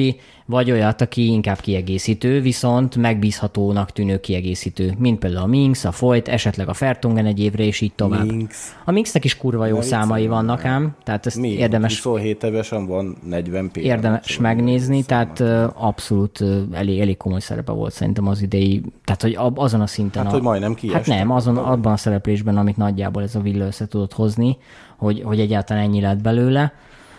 Szóval, hogy én azt gondolom, hogy itt nem sok ember van megint a pakliban, és lehet, hogy egy olyan valaki fog jönni, akit megint kevésbé ismerünk, ahogy mondjuk szerintem a Lindelöfre sem számított senki. Ja. Annak ellenére, Nincs. hogy élőben én pont láttam játszani annó a, a magyar-svéd meccsen, és, és kurvára tetszett annó, amikor itt játszott azon a meccsen. Hát a védők között Amikor nincs akkora név a piacon sehol, mint mondjuk a támadók között Sancho, úgyhogy Kulibali. Hát igen, ő is Az felmerült, ugyanez, hát gyakorlatilag majdnem 30 éves játékossal nem, nem lehet. Ha 30 millió lenne, azt mondanám, hogy még talán, de hát ez, ez így nála felejtős. Meg hát azért nem tudom, McGuire mellé nem feltétlenül még egy olyan ember kéne, aki mondjuk egy-két év. Hát most nem. splasheltünk rá a védelemre, ugye Maguire 80 millióját, meg Van Bissaka mennyi volt? 50, uh, igen. Igen. Ö, és Szerintem most a védelem egy darabig nem fog kapni a esetleg nem büdzséből. tudom, most me- megint ebben teljesen vakon vagyok, de tehát nyilván csak a Chilwell neve jutna eszembe, de hogy, hogy bal hátvédbe. Tehát nekem ez, ez még mindig egy ilyen... Bal hátvéd, a Shaw Williams páros az teljesen jól lefedi szerintem a bal hátvéd pozíció. Ny- nyilván én is úgy gondoltam, hogyha esetleg a, show mondjuk el, elmenne, vagy lecserélnénk. De ez most nem realista, azt Nem, látjuk, való- hogy a valószínűleg Szúsián nem. szereti őt. Valószínűleg nem. Igen. De, de mondjuk mit gondoltok arról, hogy, hogy például akkor, akkor a jobb hátvédben mi a helyzet? Tehát, hogy akkor a, a Brandon Williams tulajdonképpen tud játszani jobb hátvédet is, vagy akkor a, mert hogy három szélső hátvéddel se lehet kiállni, hogyha a Dalót esetleg ö, elpasszoljuk. Fosszú Menza ott van, ö, ő szerintem nem fog elmenni, illetve én várok már Lerdnek a komolyabb igénybevételére, mert állítólag miatta lett a bal hátvéd Williamsből, mert jobbról kiszorította őt. Bár játszott azt hiszem az a- azt Játszott egy-két mérkőzést. Mint, mint, mint, szar volt, mint az egész csapat körülbelül, hát bár nem ő szerezte az öngolt. Ilyen negyedik, ötödik szélső hátvédnek szerintem abszolút belefér egy fiatal. Tehát nem, de szélső hátvéd bele vagyunk szerintem e, igazából fedve. Közép hátvéd meg igazából a sérülések miatt nem. Tehát most Bayi és Tuanzebével mi Akkor van? térjünk át szerintem a távozók listájára inkább ebben az esetben, mert hogy szerintem Jonesnak, Bájinak és a már jelenleg is kölcsönben lévő Rohónak itt kellene, hogy legyen a vége a United-es pályafutásának. Jó, de hát erről már beszéltünk legutóbb is, tehát ez ilyen örök sláger, hogy ők Ja, csak hogy még mindig itt vannak, azt hittük, hogy már nem lesznek. Na jó, de akkor ez, ez szerintetek meg fog történni, hogy gyakorlatilag a Jones-t, a Rohót, a Bájit, a Pereirát, a Lingardot és a Matát, akkor ezt kivágjuk, ezt a hatost. Ez Én a meg bájit szeretném, ha maradna. fog történni. Hát egy, egyszerre biztos, hogy nem. És nem gondoljátok, hogy erre lassan. igény, igény volna? Tehát, hogy gyakorlatilag... Nagyon, nagyon volna, csak egyelőre nincs jelentkező, úgy nézem, vagy nincs számba vehető pót. Hát de miért ne lenne? Hát gyakorlatilag, hogyha a Smalling mondjuk visszajön, és igazolunk egy középhátvédet, akkor ott négy ember van, és hogyha a jobb szélre veszünk egy száncsot, akkor gyakorlatilag megvan hat ember a támadó sorban is. Tehát, hogy én nem érzem, hogy akkor ott ne lenne ö, megfelelő mennyiségű pótlék, vagy emberszám. Szerintem a védelemben Jones Rohóra nem számítunk, Tuanzebére szerintem igen. Hát jó, Tuánzebe nyilván, de hogy Szerintem nagy rész Smalling is amiatt ment el, mert azt gondolta Szúsár, hogy azt, azt a mm, játékpercet azt meg tudja kapni ö, Tuanzebe is. Bájit a nagy kérdés, eladni szerintem nem tudjuk Bájit, nincs, aki fizetne érte, és ugye élő szerződése van. Támadósorból pedig szerintem Mata az, akit még talán úgy, úgy piacképes, spanyol bajnokság, vagy, vagy valami kisebb, kisebb bajnokságban szerintem még neki is jót tenne egy másodvirágzás. Lingard Pereira az, az szerintem is felejtős az a vonal. Hát Lingard most lenyilatkozta, szívesen maradna és segítene a Ja. csapatnak. Nem lenyilatkoztam, az Instagramra kitett egy ilyen posztot, ami arra utalt, hogy ő. Bójákat rakosgat. Pedig, az pedig, pályán nem tudom. pedig nagy, nagyon sok középcsapat van, ahol én tényleg azt gondolom, hogy egy Lingard, aki most 27 éve, 28. éves, meg 92-es, ugye, hogy abszolút lehetne egy 3-4 viszonylag jó éve ezeknél a kluboknál. Tehát ahol, ahol több mérkőzést kapna, ahol ha lő 5 gólt egy szezonban és ad 8 gólpaszt, akkor arról beszéltünk, hogy nagyjából egy sikeres szezont fut. Egyébként körülbelül egy vagy két éve, vagy másfél éve beszéltünk pontosan erről, hogy, hogy szerintem ő, ő nem itt fogja letölteni a pályafutását, mert nem tudott annyira megszilárdulni a kezdőcsapatban, és így pedig kiegészítő embernek ő nem azt mondom, hogy tehetségesebb, de az, hogy egy ilyen, hány ilyen embert adtunk el, az Evans-től kezdve, a, soroljuk már a neveket, nyilván Osi idősebb volt, meg Brown, meg mit tudom én, de hogy, hogy egyszerűen ez, ezeket az arcokat már nem tudjuk itt tartani, vagy nincs igazából hát funkciója, mondjuk, hogy pont az Ivens említetted, akkor lehetett volna vitatkozni arra, hogy ő tényleg el kellett volna adni, mert neki volt egy rossz szezonja, eladtuk, hát, és kiderült, hogy, a, hogy húzó ember tud lenni egy, egy Leicesterbe, és közben meg, föl, Szerintem közben pont, meg a Guardiola le akarta igazolni pont, konkrétan. pont az Evans igazából ilyen szempontból, még akkor is, hogyha jelenleg egy jó, hát le akart, hát. Szóval, hogyha ha leigazolta volna, akkor talán beszélhetnénk erről, de, de hogy, hogy én azt gondolom... Azért nem véletlen, hogy elment. Igen, tehát... Az volt egy Hát nem csak egy, meg nem, leköpte Dembabát, és Lajos azt mondta, hogy ez így nem igazán United játékoshoz miért. Jó, de, de mondom még egyszer, azért azt kell látni, hogy, hogy nem, nem véletlen Evans, nem Evans a, van a szezon válogatottjai környéke, hanem mondjuk Maguire, vagy itt sem éppen ő volt a főszereplő, hanem a Szőjöncű. De nem, most sző, főszereplő volt ellen. Jó, hát sokat, hát most igen, sokat játszott a szezonban, meg, meg minden egyéb, de hogy azért én nem nézném mondjuk az Evans harmadik, negyedik számú hátvédként a Unitedben, még akkor sem, hogyha nem tudom, most elég, elég csehül áll a kínálat nálunk. Szóval szerintem a Lingardnak mennie kell, és ez neki is jót fog tenni. Fiatalok, tehát ilyen Csong, meg Gomez most elment, ugye az Angel Gomez? Igen, azt hiszem a Gomeznél van az igen, igen, igen, aki. Csong kölcsönbe? Hát ezt, ezt is hányszor megbeszéltük, hogy, hogy bizonyos játékosoknál a kölcsönfaktor az, az mire visz, meg merre megy, meg minden.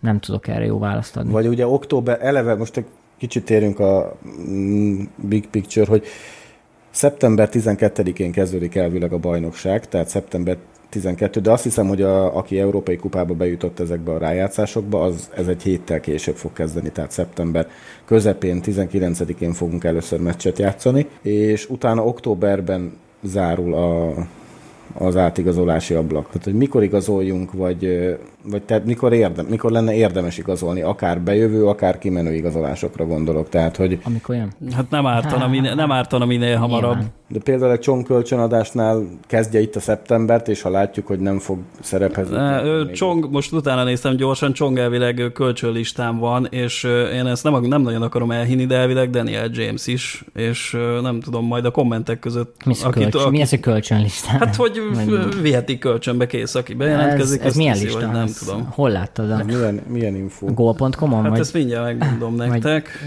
Mondjuk ez júli, július 11-i. Én, én, én, én, Google feldobta mindjárt. Nem, én nem gondolom, tehát hogy, hogy, elő fog visszajönni a Sanchez, mint hogy kölcsönadjuk a James, tehát hogy nem, nem hiszem. Beyond the internet egy kicsit gyorsabb lenne, akkor megmondanám hát. nektek. Mindegy, igazából lehet, hogy lezártuk így ezzel a, ezt a kört, de hogy, hogy én a, ha megint csak, ahogy a Strigo mondta, igen, tehát hogy nyilván rövid, rövid, de annál velősebb lesz ez a szezon. Kurvára szükség van arra, hogy legyen 18-19-20 ember, még akkor is, hogyha hozzáteszem, hogy mondjuk nyilván az Igalót, a James-t, a, a Tuázebét, meg ezeket az arcokat én nem feltétlenül tudom azok közé sorolni, tehát inkább 16-17 ember, amiről beszéltünk, de ezért kéne egy olyan középhátvédet, meg egy olyan sancho igazolni, akik ezt a plusz két embert ezt hozzáteszik ez a szezonhoz, mert, mert nagyon hosszú lesz, és nagyon tömör ha nyilatkozna Smalling, hogy hajlandó padozni, és akkor én visszahoznám hát őt. Mindenképpen.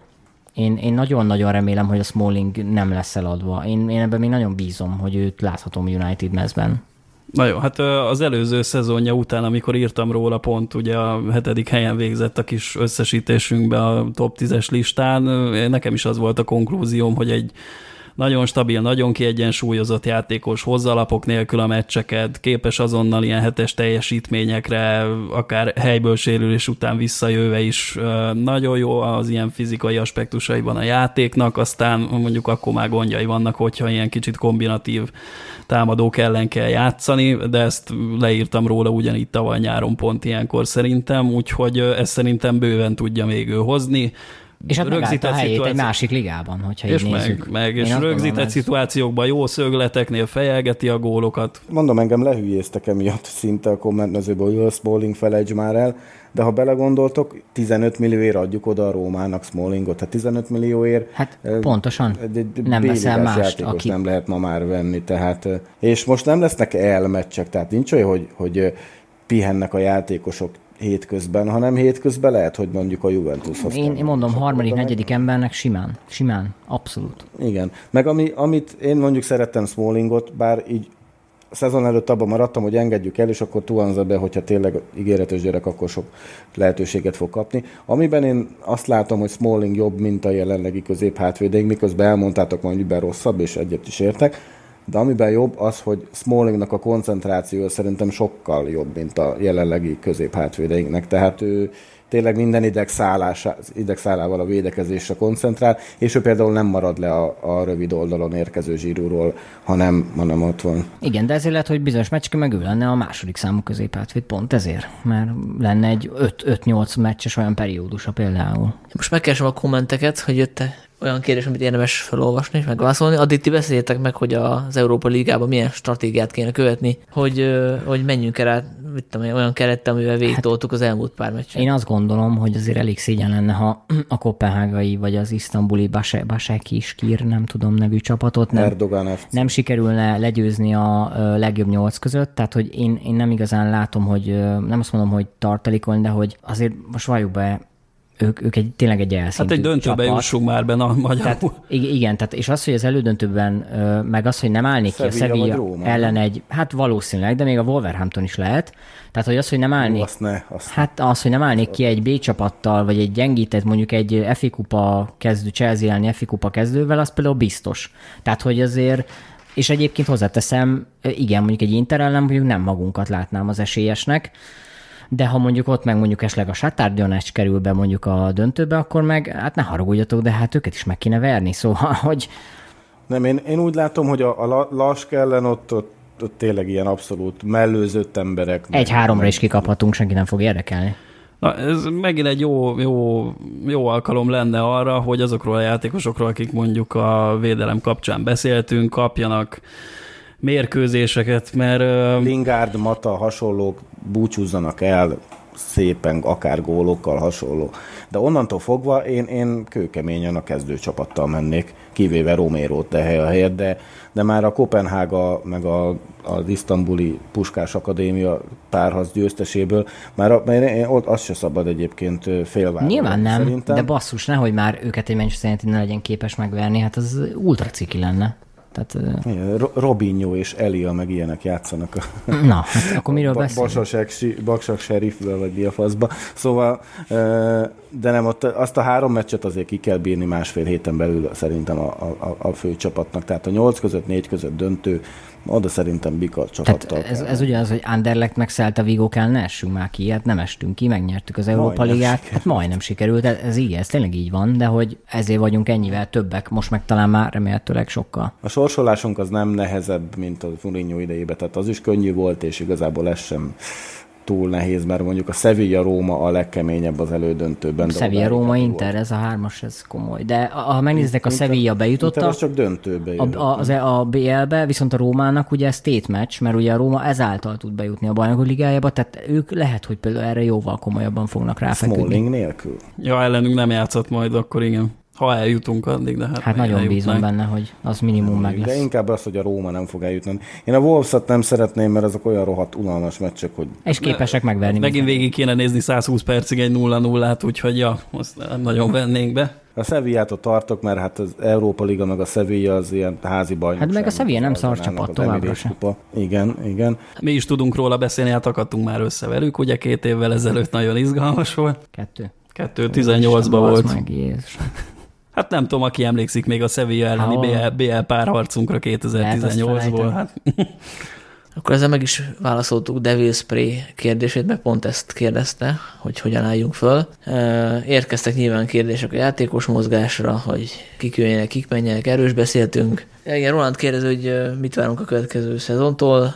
Bajnoki helyezés, BL-ben szereplés, mi okozna csalódást? Én dobogót várok. Most, hogy a dobogon belül lesz-e közünk a bajnoki címhez, mert a poolnál várok egy visszaesést, a Citynél, Citynél mert igazából most is visszaesett valamennyire, nekünk azért kurva sokat kell javulni. BL az, az, az meg aztán még nagyobb út, hát nyilván a kiesése szakaszba bekerülni, azt ott, ott már, hogy kit kapunk. Különösen úgy, hogy akár első kalapba is bekerülhetünk, hogyha megnyerjük az Európa Ligát, tehát hogy azért így a második kalap is fix. Az tehát... nagyon nem lenne mindegy, hogy honnan húznak a BL-ből, mert igen, tehát a második annak a 16-nak meg kéne lennie hát azért annak, annak jövőre, a, hatodik, ha szakad. Így van. Meg hát akkor a 16 között, hogyha csoport elsőként megyünk, és nem szopjuk be a sorsolást, akkor azért ott van esély egy BL8-ra, ami szerintem egy visszatérő szezonban már nem rossz, mint ahogy Szuksár már hozta, hozta a BL8-at, Így van.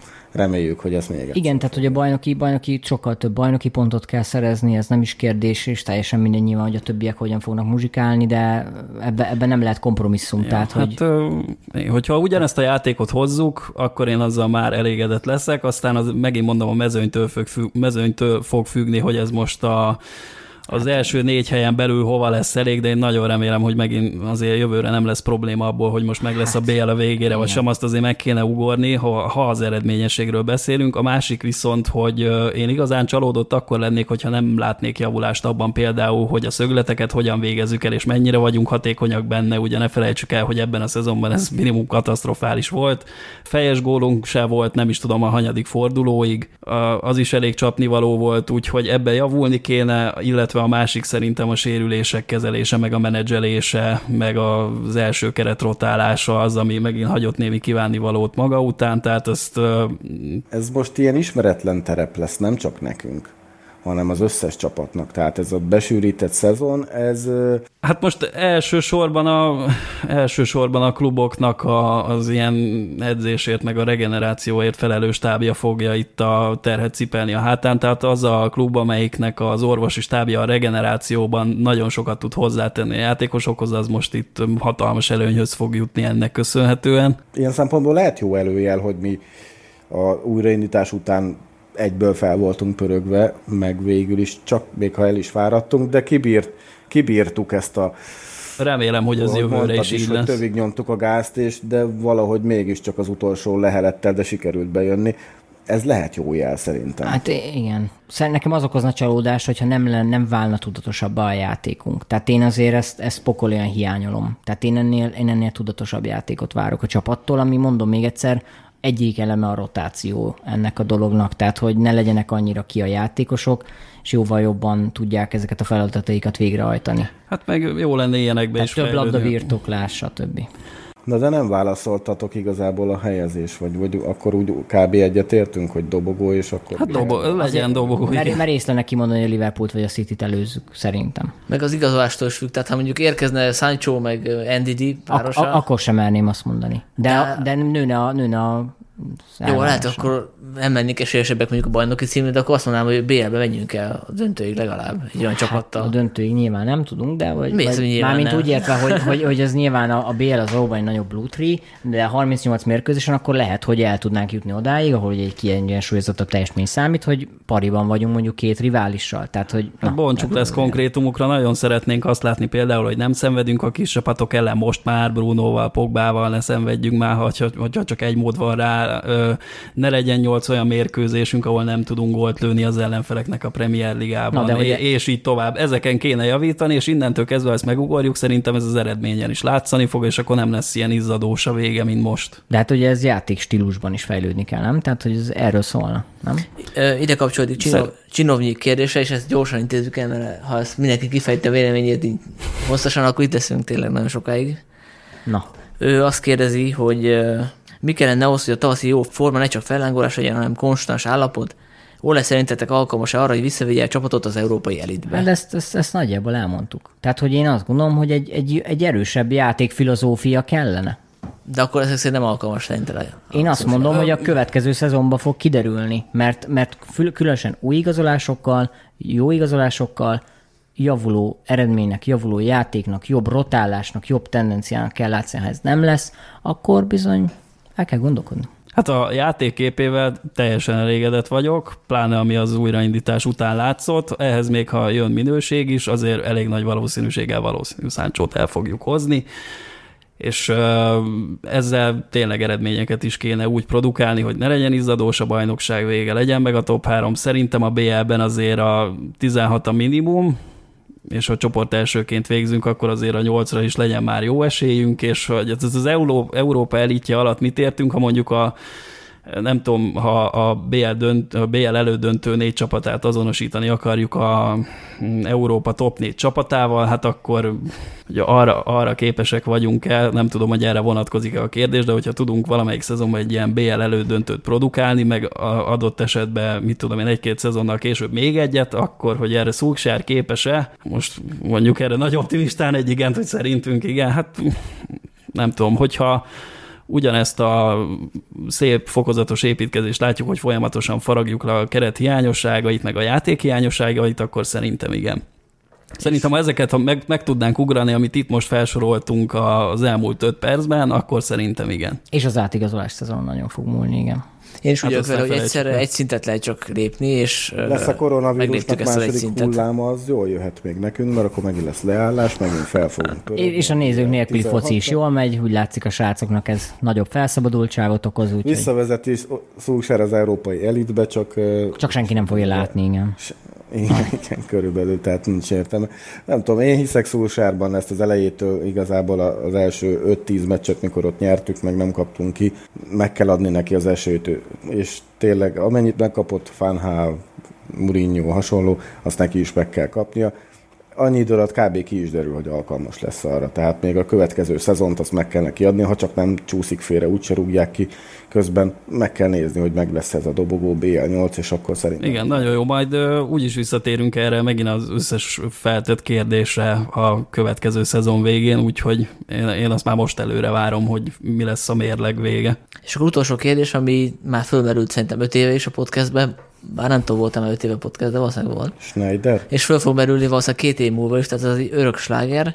Sav 92 kérdezi, kell nekünk a Director of Football, vagy megoldja a stáb az igazolásokat? Ugye most volt egy ilyen hír, hogy a következő szezon kezdetéig a Woodward mindenképpen szeretne kinevezni egy Director of Football. Nem tudjuk, ez mennyire volt komoly. Hát a kérdés az annyit tennék hozzá, hogy a Director of Football az nem csak az igazolásért felel, hanem 27 másik dologért. Az az egyik feladata, hogy felügyeli és megfelelő szakmai hátteret biztosít az átigazolásokhoz. De nem Tehát, csak hogy az ne csak átigazolásokhoz, hanem a, játék, a csapatjátékának a struktúrájához. Tehát, hogy pontosan az, hogy Szó szerint mindenhez, fizikai felkészítéshez, regenerációhoz, Nyilván. fiatalokkal foglalkozáshoz, igen, Na, de játékosok fejlesztése, átigazolások. azért foglalkozol a fiatalokkal, mert hogy tudod, hogy milyen rendszerbe akarod őket beépíteni, stb. stb. Tehát, hogy, hogy ilyen szempontból igen, tehát, hogy akkor igen, lenne rá szükség, mert hogy én nem vagyok teljesen biztos benne, hogy mi úgy igazán tudjuk, hogy merre haladunk ebből a szempontból. Nekem van egy igen erős ellenérvem ezzel kapcsolatban, hogy ezt a Director of Footballt is Woodward neveznék ki, szóval inkább ne, szerintem. Az eddigi, eddigi kinevezései alapján ez, ez is egy totális csőd lesz, és akkor ezeket is cserélgethetjük két évente, mint ami történik mondjuk a Monakónál például, hogy ott is gyakrabban váltogatják a Director of Footballt. Hát jó, a- csak egy Monaco, hát Hát el lehet ezt cseszni, igen. Igen, de ha elcseszik, és Szulsár fölé hoznak valakit, aki mondjuk leigazolja neki akár grillist, mert hogy a számok azt mutatják, hogy jó, és ő nem akarja játszatni, tehát ez felesleges konfliktusokhoz vezet szerintem. Ha ez egy átgondolt döntés, nem az, hogy most nyáron ki fogok nevezni valakit, de még fingja nincs, hogy kit, ennek itt semmi értelme. ez így ö, van.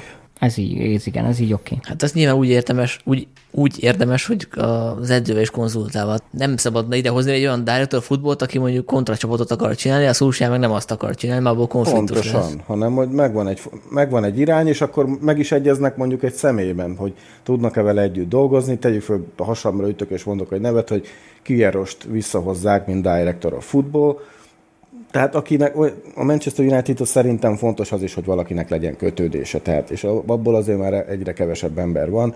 Ugye Fanderszáról tudunk, hogy ilyen hasonló pozíciót tölt be az Ajaxnál. Ö, Által, igen, általában az igazgatók, akik tényleg jól is végzik a munkájukat, és úgy, hogy nincs csetepaté a, így a stábban, azok mind-mind klubhoz közeli, akár korábbi játékosok, vagy akár... Ez, Mijatovic, meg, ö, meg ilyeneket tudunk felhozni. Ugye De a Van der Sar egyébként szóba is került például. Meg a Korábban. Nem tudom, mennyire Akit most komoly. rúgtak ki, nem tudom, valahonnan megint éppen, vagy éppen felmondott valamelyik válogatottnál. Igen, ő, ő is ő Izraelben volt legutóbb, nem? Ah, most valami más tudom, de hát ugye játszott volt. nálunk is. Igen, igen, hogy állítólag ő is tehetséges Doff volt, de, vagy lenne, vagy nem tudom. Ez, de ezt jobban át kell gondolni, én csak arra ut akartam utalni, hogy most, most nyáron kinevezek valakit. Ne, ne nevezzen ki Woodward senkit, beszéljék ezt meg a szakmai stábbal, hogy van-e ilyenre szükség, mikortól van szükség, milyen feladatokat venne át a stábtól, és, has- és Jó, hát az nem egy hirtelen döntés lenne, mert ez a levegőben van már évek óta, tehát ezt már szellőztették. Hát nem tudjuk, hol tart a projekt, volt egyáltalán interjú bárkivel, aki esetleg ezt elvállalná, és Lehet a Woodward egész karantén alatt ezen dolgozott. Tehát az, hogy, azt, hogy a média ezt szellőzteti, hát nem tudom, a konkrét lépés szerintem például az lenne, hogy egyszer csak megjelenne az a hír, hogy most már nem az első alany járt, mit tudom én, ilyen, hogy mondjam, állásinterjún az igazgatói irodában. De hát erről még, még semmi, még a nyomait se látjuk ilyesminek, tehát nem tudom, szerintem semmiféle keresgélés nem zajlik. Aztán lehet, hogy egyszer csak a derültékből majd ki lesz jelentve. Szerintem majd visszatérünk az Európa Liga győzelem után, megbeszéljük, hogy hogy sikerült Szurkjának az első kupáját megnyernie, és akkor lehet, hogy majd fogjuk nem tudom, hogy eltenni és részletesebben értékelni a játékosokat, de majd lehet, hogy, hogy erre is sor kerül majd. Úgyhogy köszi szépen, hogy kibírtátok ezt most itt velünk, és akkor jelentkezünk még szerintem a nyáron. Sziasztok! Sziasztok! Ja, tiszteletem, sziasztok! sziasztok.